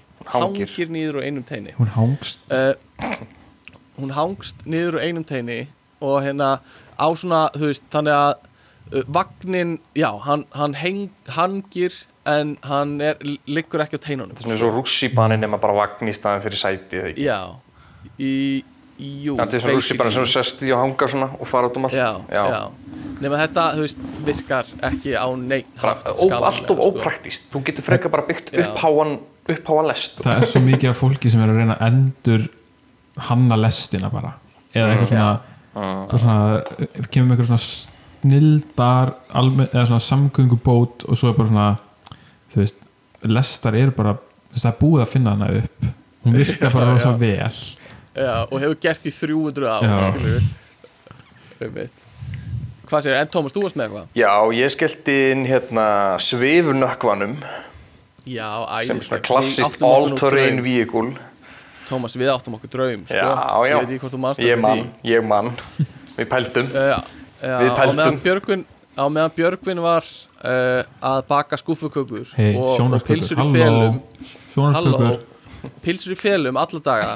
Hver er pilsi mín, hver er pilsi mín? Njum, njum, njum, njum, njum, eitthvað svona í heimilisfræðinni. Dósa pulsuna sínar. Já. Ég er bara, ég er bara að finna pilsinu mín og glísi glísi, eitthvað svona. Þá vorum við í uh, listaverkurinnum í smíði. Og uh, við smíðum. Jó, verk. Og við smíðum hjól. En draumurinn okkar áður en við fórum í hjólið var að smíða svifnökkva Mm. og smíðakennarinn okkar var að reyna að tella ykkur trúum að þetta væri bara ekkert mál þið þurftu bara að finna Dekk. eitthvað sláttuvélamótor Og eða dekk. já, dekk og eitthvað og svo bara bombið í þetta uh, náttúrulega fáránlega erfitt projekt uh, en hann hafði þú veist hann, hann hafði basically prentað út einhverja, einhverja, svona artikul sem hann fann á netinu um einhvern sem hafði smíðað þetta uh, og hérna sett í einhverju möppu uh, allavega, fyrir mér var þetta bara það fucking töffaðast í heim Já, og við hlökkum, okkur, okkur lakaði til að fara út á sko vífistavatn og testa þetta. Já, já, en svifnökkvi er basically svona faratæki sem svífur bara einhverju svona 10 cm yfir jörðinni með hjálp loft. Þetta er basically svona uh, uh, svona blimp eða, eða svona loftbelgur nema bara mjög nálátt jörðinni og fer ekki hátt. Uh, já, og, í rauninni og, Já, alltaktikin er að hann, hann á að geta svipað jæmt á vatni sem á jörðu sko. já, já, já, já. Eru- Jesú, þetta er svona Jésu faratækina Þetta er til í einhverjum, einhverjum semst hernar tilgangi. Þetta eru Já, tilferðabur sem virka og þetta er notað í löndu sem eru með svona mikið mýri og svona dóti. Að þetta er notað sem all-terrain fjartæki þar en þetta er Já, alltaf enga veginn já. praktist held ég. Líka En þetta mikið er ótrúlega mikið svona sci-fi eða svona njóstna finnst mér alltaf svona við James ætlum Bond að dæmi sko. koma sko við ætlum að bomba okkur inn á handbóltaleik í stjörnunni sko, á svifnökkvanum inn í mýrina sko. Og bara góðan daginn, ég mættur uh, en þetta, já, algjör draum svifnökku sko, mér langar ennþá að gera það sko. Mm Mhm. Mér finnst það svo töff Gætum verið meir sem betur búnir til þess að actually framkama þetta. Ég læta það vera. gæti verið Ég skil samt alveg hvað Björgvin er að að fara með, hérna, með sláttuvélamótuna því að það er alveg sláttuvélar sem virka einhvern veginn þannig að það er bara að svífa yfir jörðinni sko. mm. þannig að það meikar alveg ok. sens að en sláðu það ekki grassið Jú, það er slá grasið þú veist, ef að grasið er herra heldur en hæðin sem að hún svífur í jörðinni vonda gras, vonda, vonda gras þannig að við þurfum Uh, ekki að slá þá hugmynd út á borðinu sko. vá. Vá, Við erum í í kvöld. já, Uh, já, ég skellti inn líka hérna, ég skellti inn tveggja manna reyðhjólum eða þryggja fjóra manna reyðhjólum eftir hvernig þú vilt. Mér langar svo að prófa þetta. Ég hef aldrei prófað þetta Ég held að sé svo að miklu erfiðara heldur en fólk heldur. Mér grunar það allavega. Ég gæti þarft að verið hjóla í að syngi við eða, Já, annars Nei, náttúrulega- nei, nei, nei, Nei, nei, nei. þú veist það bara, ég held að þú að halda taktinum á vinstri hægri, sko. Af því að það kemur alltaf reyfing þegar hjólar að. Já, er það samt svo mikið að þú sért að fara Ég skýrst það sé alveg flókið, sko. Ég held að þú eru alveg, að prófa þetta sko já, ég held að það sé alveg gaman, sko. En ég held að sé, ég held að Já. sé lúmsterfitt, sko. Getið ímyndið eitthvað að rúla inn á klubbin og leggja þryggja manna reyðhjólinu fyrir utan? Það, veist, það er bara geðveikt sko. En svo, Uh, svo líka kemur inn, sko, inn á það, ég veit ekki hvort að við séum svona hjólabari. Já, nei. Þá er svona, semst, þá er bara bar á semst, mörgum dekkjum og það er petalar tengdi við barstólana Já, jú, og það hjóla allir Já, saman uh, svona gimmick þetta, þetta fer alveg Já, Þetta fer ég alveg- það. já, já, þetta, þetta er er enga veginn praktist á neitt máta sko. Þetta er fer sér ógslag það- hægt það en er þetta er svona svona hérna, stek, stekkjunar hópar í einhver já, já, já, já, það eru örugglega einu viðskiptavinnir sem eru einhverju svona stekkjunarhópar í, í svona dóti sko. Stekkjunarhópar. Stekkjunarhópar. Allir, allir að reyna að verða stekkjast eitthvað. Bara eitthvað fara í jólasýsabúninga og unnir í bæ og við erum að stekja í dag og bara stekja stekja aðeins bara og, og Já. eitthvað svona að kíkja á glugga og eitthvað labba beinir og eitthvað og bara segja um, Já, við erum bara að minnast á eitthvað af því sem ég var búin að lista niður. Eitt sem ég fann var að ég var að skoða sérst undarleg dýr sem eru notuð sem ferðamáti. Því nú eru almennt svona hestar, svona þetta svona standard eða kameldýr mögulega í sumur löndum. En ég fann sérst, það var eitt sem ég fann að hérna, mér skist að alltaf lauruglan í ákveðnum borgum í Brasilíu notar vatna buffalóa. sem eru svona stór og feit nöyt í raun og veru. já, þau, já, já, já, já, já, já, já, ég veit hvað já, já, já, veist, þetta eru buffalóar nema ekki svona bandaríski loðnir heldur bara eins og kýr en eru bara svona þetta eru svona eins og nasirningar nefnum að naut. Og það er alveg, ég fann einhverja myndir af brasilísku löggu sem er bara þeir eru bara á þessu eins og hestar eins og hestalöggan hérna í Hollandi sko. Það er grjóthart það er sko. er fyndið. sko. Gauð bara, ef við ekki hest í Brasilíu. Nei við erum samt með vatnabuffalóana hérna bara í Amazon, ef við ekki bara nota þá í staðin það er fokkin rugglað sko. Þeir Líka eru svo breyður og eltingaleik. Já, ég mitt, ég var svo til í að sjá Þú veist, þú, þú sko, hestar elda þig vond Ég held að vatna buffalo og elda þig sé verra. En um leið og ferðin í þrönga götu þá er buffalo bara mm, og bara nei, ég gæst ekki það ég sé svolítið alveg fyrir mér eitthvað svona Brasilíu, eitthvað svona eitthvað svona eldingarleika á vatnaböfalónum svo er allt í nú þjófurinn komin upp á vatnaböfalónum og hann er alltaf lögguna lögguna alltaf í peningapókan eitthvað já, já einmitt, einmitt svo sett ég neitt sem er svona, ég veit ekki hvort það sé nú eitthvað að viti ferðamáti en jetpacks einhvers konar svona sko þetta er að gerast. Ég er að segja ykkur að það er stutt í þetta Nota þetta í björgunarmissionum Ég er alltaf að fá poppa upp hjá mér eitthvað svona The GoPro channel has something to show you. Og þá er GoPro eitthvað svona myndband af einhverjum að fljúa upp einhverja fjallslíða einhverjum jetpack. Shit maður, þetta er svo töff sko. En mér finnst þér alltaf enda í Ironman pælingunni. Þeir eru alltaf með eitthvað svona gisma á höndunum líka til að stýra sko. Og mér finnst það svona aðeins minna cool sko. Mér langar bara að setja pókan og bara fara í áttina sem mér langar að fara sko hvað þá svona Spike It skór sko. Já, það Ah, er náttúrulega væri svona, svona- jet boots. klikkar, hæ, já, klikkar hælanum og það kemur svona eldur út úr skóniðinum Fjekkst þú að horfa á Spikes þegar þú varst lítill Björgvin? Eða varstu bara í, þú veist, Saló og, og flubber. Siberian film og eitthvað? Ég var bara flubber. Flubber aftur og aftur. Góðan daginn Björgvin, flubber. Flubber. Já, já. Uh, Já, uh, æði, þetta var geggjað sko uh, Sko, búin til optimal ferðamónda uh, Er það eitthvað eða ég var að hoppa í næsta Thomas? Það er, mér finnst þið svolítið hafa tækla mikið af því bara með, með, með umræðunum hvað væri svona uppáhald eða svona það sem við töldum vera henduðast sko. Þú veist þetta var bara, já, Já. þess að við fórum að ræða hvað væri svona okkur finnist vera best það káfuraði 70% af því sko, þannig Sko, já, ég er bara með eitt að segja hérna. Og Björgun hefur heilt mig segja þetta áður og við munum kannski tala um þetta í borgarskiplagstættinum en það er zipline uh, paradísin sko. Uh, og uh, það er basically bara byggjum í, í borgunum bara mjög háa staura upp sem eru með einhverjum svona einföldun liftum þarf ekki að kosta mikið, rafknúið ekkert kólefnisspor og svo kemstu upp á efsta pallinu í liftunni og efst uppi eru bara svona línur sem fara niður allstaðar í kringu þig, við í borginni. Þú kemst kannski bara þrjá kílómetri í einu eða eitthvað. Þannig að, að þú bara ziplæna niður bara niður í miðbæ bara ein ziplína frá fósfóinu niður í miðbæ bara briljant, svo ertu fara heim úr miðbænum, tekur þú liftu upp í miðbæðastörnum ziplæna niður í fósfóinu eftir. Ég er svo mikið, ég mynda með trafík það sem þú ert bara upp við einhvern gaur og er bara já, trafík í dag. Já, það klestir gaur hérna. Og þú bara, það er bara svona fimm manns bara upp í hvort annað bara, já, já. Eh, sko, Viltu það er síkó, við þú ert svo snöggur. Þú ert svo snöggur að leiða niður ég er, ég er svo ánægð, hver að gera er að byrja á þessu sko.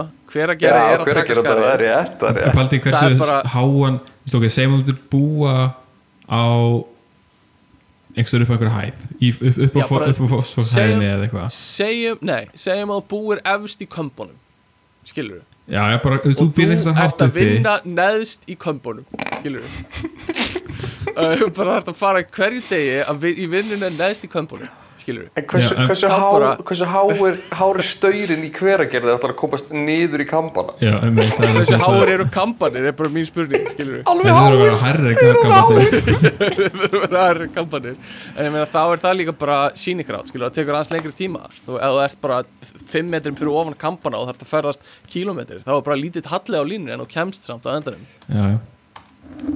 Það væri áhægt að sjá systemið þar sem að eru, þú veist línur frá öllum stöðum til allra staða á þess að skerist einhvers það staðar sem eða skerist. Stendur allavega heiðin Blessa. síðan það byrjum 374 metrar á hæð þar er þið væntalega frá sjáamáli 400 metrar upp Já, bara frá hveragerði, kemstu upp kampana sko.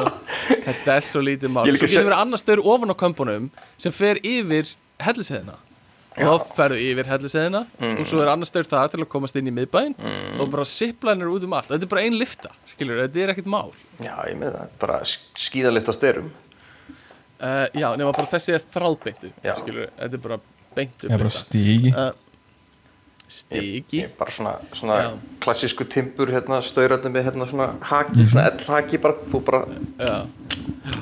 Þetta er þannig sko. Uh, Allavega, ég var ekkert með meira þannig uh, Ég var með eitthvað að ferða móta framtíðarinnar uh, uh, Ég skrifaði eitthvað í því uh, kannski fyrsta er bara eldsnögt svona uh, loftþrýsti pípur sem er eins og í Futurama eða hafið séð það Já, já, já. og það var líka eitthvað svona þetta er ferðamóti framtíðarinnar fyrir 100 árum hjælt fólk að þetta er það þetta er notað í spítulum til að senda sína á milli og, og loftskeyti. bam- böngum og eitthvað svona uh, þetta heitir Pneumonic Tube System eitthvað. Pneumatic. Pneum- pneuma- Pneumonic.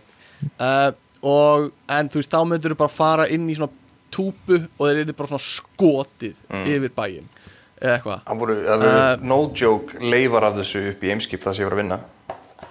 Já, þetta var og er notað sko. þá sko. Af því að við, af því að við vorum að vinna með svo mikið af förmritum og við vorum okkar dild var neð, á neðri hæðinni þá eru Já. pípur og það eru hólf það virkar bara ekki, það er ekki gang, gangi þá var pælingi bara notað- sitt inn og Já. bara Já, já. Þetta er líka rosa mikið notað í Latabæ.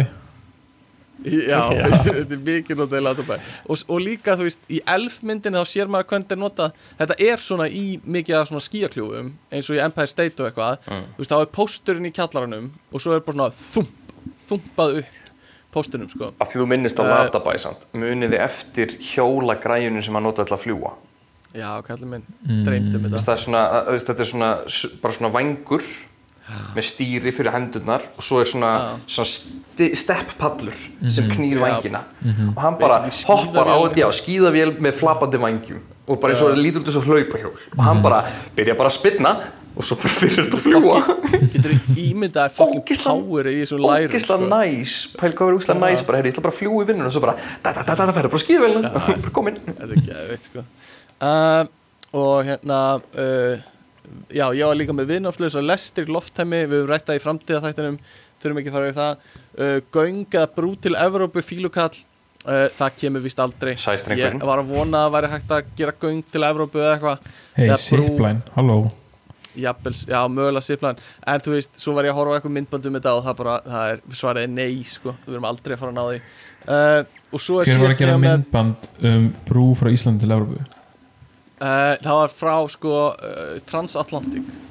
Transatlantic Ah. Tunnel sem er semst frá Evrópu til Bandaríkjana uh, og svo er eða sko lest frá Evrópu til Bandaríkjana og það var skoðið möguleikanir þú veist, fljótandi lest eða, eða lest í göngum fljótandi lest myndi aldrei á fljótandi lest myndi aldrei virka. Nei, getur ekki haft bara- teina og eitthvað sem að vera fast á Já. þeim á sjó.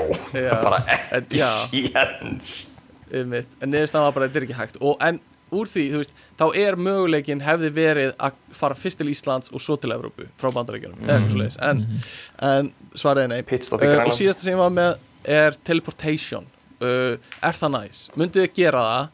Ef þið vitið að þetta er eins og í Star Trek eða eitthvað en að við erum konur alveg, við erum konur alveg hei, hlustundur, setjið þessu bara niður. Hættið að væla og bara njótið við erum komin okkar uh, ef þetta er eins og í Star Trek þannig að þú veist, bara, þú er bara skannaður allar eindinaðinnar eru greindar þú ert tekin í sundur og svo er upplýsingarnar sendar einhverst annað og þar er atómum raðað eins saman og þú varst greindur, skilur en eru það ekki komin í hérna en gamla góða skipið enn og aftur? Jó, Ship of Theseus. Uh, erum, Það er svolítið þannig. En þú veist, myndu þið gera þetta? Þetta, ég myndi gera þetta ef þetta er sannrein tækni alveg eins og að ég myndi fara í, ég fyrir flugvél því að það er sannrein tækni. En ef það hefði Já, þú spurt mig veist Já, þú veist að í flugvél er, er ekki verið að, þú veist, eigða þér þér, skilur við nei en þú veist það er samtalið þú veist að- ég er sjálfvelja þú mínum. já en þú veist eins og já, ef þetta er sannrein tækni þú veist það er bara það sem ég sagði ef þetta er sannrein tækni og, og, og það er sínt fram á manneskjöndar sem koma út eru sömu manneskjöndar og fóru inn Já, að veist, öllu, öllu málið. mælanlegu leiti uh, í- Já, en það er mál Það er í rauninni, í þessu er hundurinn grafin, sko Er, þú veist, hvað er sama manneskjan? Er það manneskja sem er Þú segjum að í staðin fyrir að þú verður tekinni sundur þá verður bara skannaður, upplýsingarna sendar og þá verður búið til annar þú þá er- eru tveir þú, skilur, þú ert ekki tekinni sundur á fyrsta stannum heldur ertu bara að láta standa inn á plattformunum það er bara eins og svo- þá er svo bara drepin svo bara hinn þú drepin Já, en ég er að segja það. Mundur þú gera þetta ef að, þú veist, það er möguleiki? Að þú veist að það þarf ekki að vera þannig að þú sért tekinni sundur á fyrsta stanum til þess að þú sért settur saman á hinnu stanum Meg, Megar þetta sens, skilur þú hvað ég er að ég, segja? veit ekki hafa klóna mér á hinum staðnum sko. Já, það er basically pælingin það er bara sko. blackout stemming sko En, hvað nú- gerði hinn þú En þú ert einhvern bara að spyrja mig hvort að ég myndi samþykja að láta skanna mig Skanna atómur mín uh, e, já, eða samþykja það að þú veist, eða hvort þú trúir því að sé eitthvað continuation á þinni meðvitund uh, þó að þú veist, þú sé búin til upp og nýtt skilur, Mhm. heldur að sé einhver, einhver tenging á milli meðvitundarinnar þá á þessum stöðum Einmitt. uh, heldur þú sért að drepa þig á fyrsta stanum og er verið að búa til alveg nýjan þig á hinnu stanum en, hvort þetta sé líklega að það sé lausnin eða meira við sem að vinna með einhvers konar svona portals? Af því þá ertu sami þú en þú væri bara að nota einhvers konar tímagöng til þess að já, bara einhver ormaganga já, já. Er það mér ekki, finnst það bæði jafn líklegt sko. er það? ég er ekki alveg viss nefnilega sko. Faglega áleitir nú ert þú verkaðingur Stefán, hvort er líklega? Uh, ég held að fyrir að sé líklegra sko. svona information based dot, það sem bara skannar allar upplýsingar um þig og það er svo sendt uh, með einhverjar rafsegulbylgjum með einhvert annað og svo er það búið til upp og nýtt Myndið þú gera Uh, það? nei, ég myndi held ég ekki það ekki nema að það væri búið að sannreina að þetta væri er að nota. uh, já, en hérna Er það nei, alveg eins og þetta- einhver myndi segja þú veist, fyrir þú veist 400 árum eitthvað, myndir þú fara í þú veist 200 metra langa túbu og þú veist sem að flytur þig á milli heimsálfa eða eitthvað. Svona- og þú svarir bara, já, ef það tæknin er sannrein þá ger ég það. Einmitt.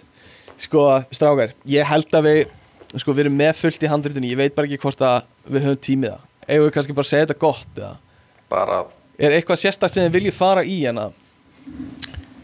Hvað er besta aftreyingin í almenningssamgöngum? Veit það ekki eh, ég hendi Eh, Vaksa sér á klóstinu ha, mm? mm? Mm? ok, allt er góðu. Farin á klam.is klab Eh, hérna uh, já, Tommi segir örgulega að spila hana nýju leikjartöluna sína ég var ekki Game að Boy-in það, ég var í Zelda. Vogan. mm, ok, endum þetta bara á, á einum svona aðstæðum sem við þurfum að díla við í almenningssamgöngum. Ok, uh, og þið ætlið að leika fyrir mig. Um, og uh, fyrsta ja, uh, aðstæðan eru svona. Uh, þú ert búin að vera í strætó alltaf og það er sæt stelpa sem er, hefur verið með þér í strætó, þau eru báðir einhleipir um, já ok, ég skal vera stelpan og þið að sína mér svona mismunandi taktik á þessu. Um, þannig að Tommy fyrst. Sæta stelpan, þú hefur séð hana í strætó í bara, bara alla önnina og þú ætlar að spurja hana til að koma á date með þér. Mm. uh, og hinga til hafið alltaf bara setið svona sitt hverjum með við gangin og stundu brosa til hvers annars hafið séð hvort annað. Uh, en þú hefur aldrei sagt neitt við hana viti. Einu sinni misti hún húuna sína og réttir henn hana. Uh, en fyrir utan það hef, hafið ekki talað saman. Uh, en þú sérð að hún er ofta að skoða á E EMDB eitthvað svona eins og Lord of the Rings og Studio Ghibli og eitthvað svona Þú sér það frá hinu sæt, frá sætinu Já. sem er við gluggan hinum yfir gangin já, í þessari þú er ég ekki nærsýn það er ekki ekki það Já, og Mjög fílað þið mjög mikið. báð, þið sitjið bæði uh, ekki við gluggan uh, Já. Þið sitjið bæði við Við bæðum hérna, skiljum Sitjum við bæði í sæ- gangasæti. laust sæti við gluggan. Já, ok, gott að vita já Og hérna, þannig að, að já, þú ætlar að, hvernig myndur þú reyna uh, spurja hana til að koma deit með þér. Og á við ég- erum bara í strætó á ég, ú- já, ég, ég, við erum að leika ég er ekki að útskýra hvað. Við erum að leika, við erum ok, að leika. já, já, já.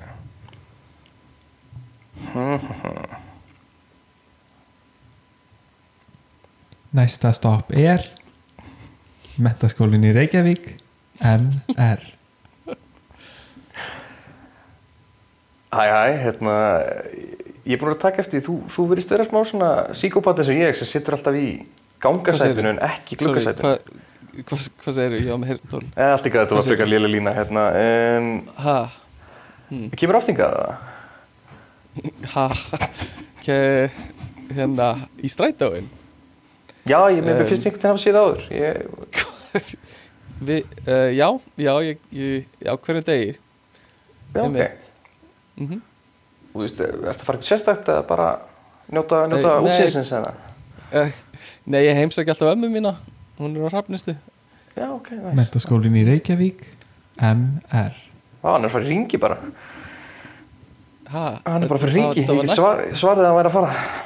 Fara, já, Ég held að hann hafi sagt næsta stopp er áðan. Og nú erum við komin í MR eins, eins og sér hérna, þetta er MR Já, ég, ég kem ekki oft hingað sko, ég er svolítið lillið með strætó sko. En ég sé þig á hverjum degi e- eiginlega. Kemur ekki oftingað Já, ég, sko, við erum búin að vera í sama strætu og alla önnuna einföld Næsta stopp er Fríkirkjan í Reykjavík FR hérna, bara einföld hugmynd. Hérna, ég, ég var að pæla hvort ég gæti mögulega kannski fengið Býtu, sorry, amma er að ringja allt í góð Hæ amma mín. Já, ég er á leiðinni. Nei, bara einhver gaur að spjall Nei, já, nei, hann er bara skrýtni lykt. Já, nei, allt er góðu. Mm Já, ég kem með það. Reykjavík. FR Ok, bless amma mín. Hvað varst að segja? Fyrir ekki það? ekki neitt, ég bara, hérna uh, ég held þú að mist húuna inn aftur?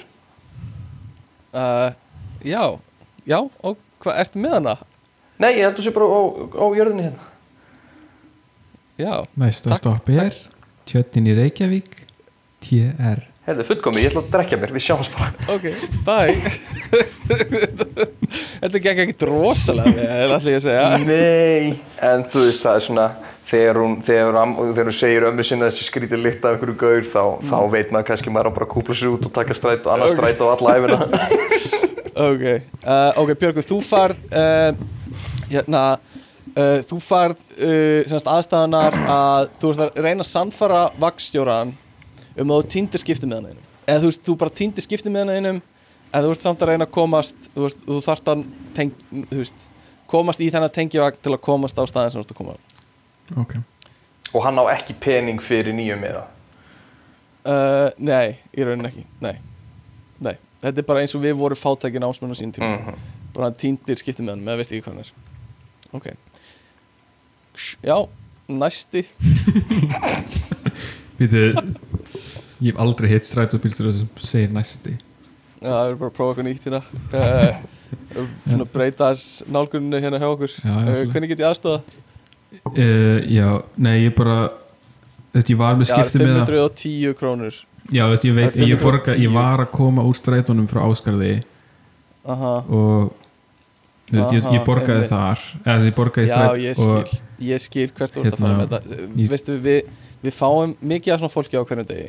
Þú ert að fara að segja mér og týndir meðan einu ég týndi meðan, ég set hann alltaf í úlpuvasan hægra megin Já, og hann er ekki þar. Já, og ég bara veit ekki Nei, nei, einmitt, ekki- við fáum fullt af, við fáum fullt af ykkur.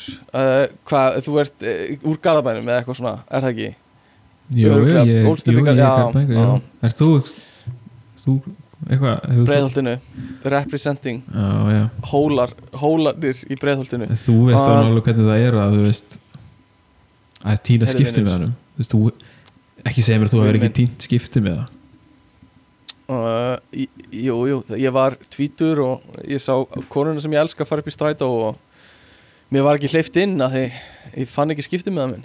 Já, og þú ert að refsa Eh. mér fyrir það næsta stopp Þetta er góður punktur. ekki vaffer því við erum ekki á ferð.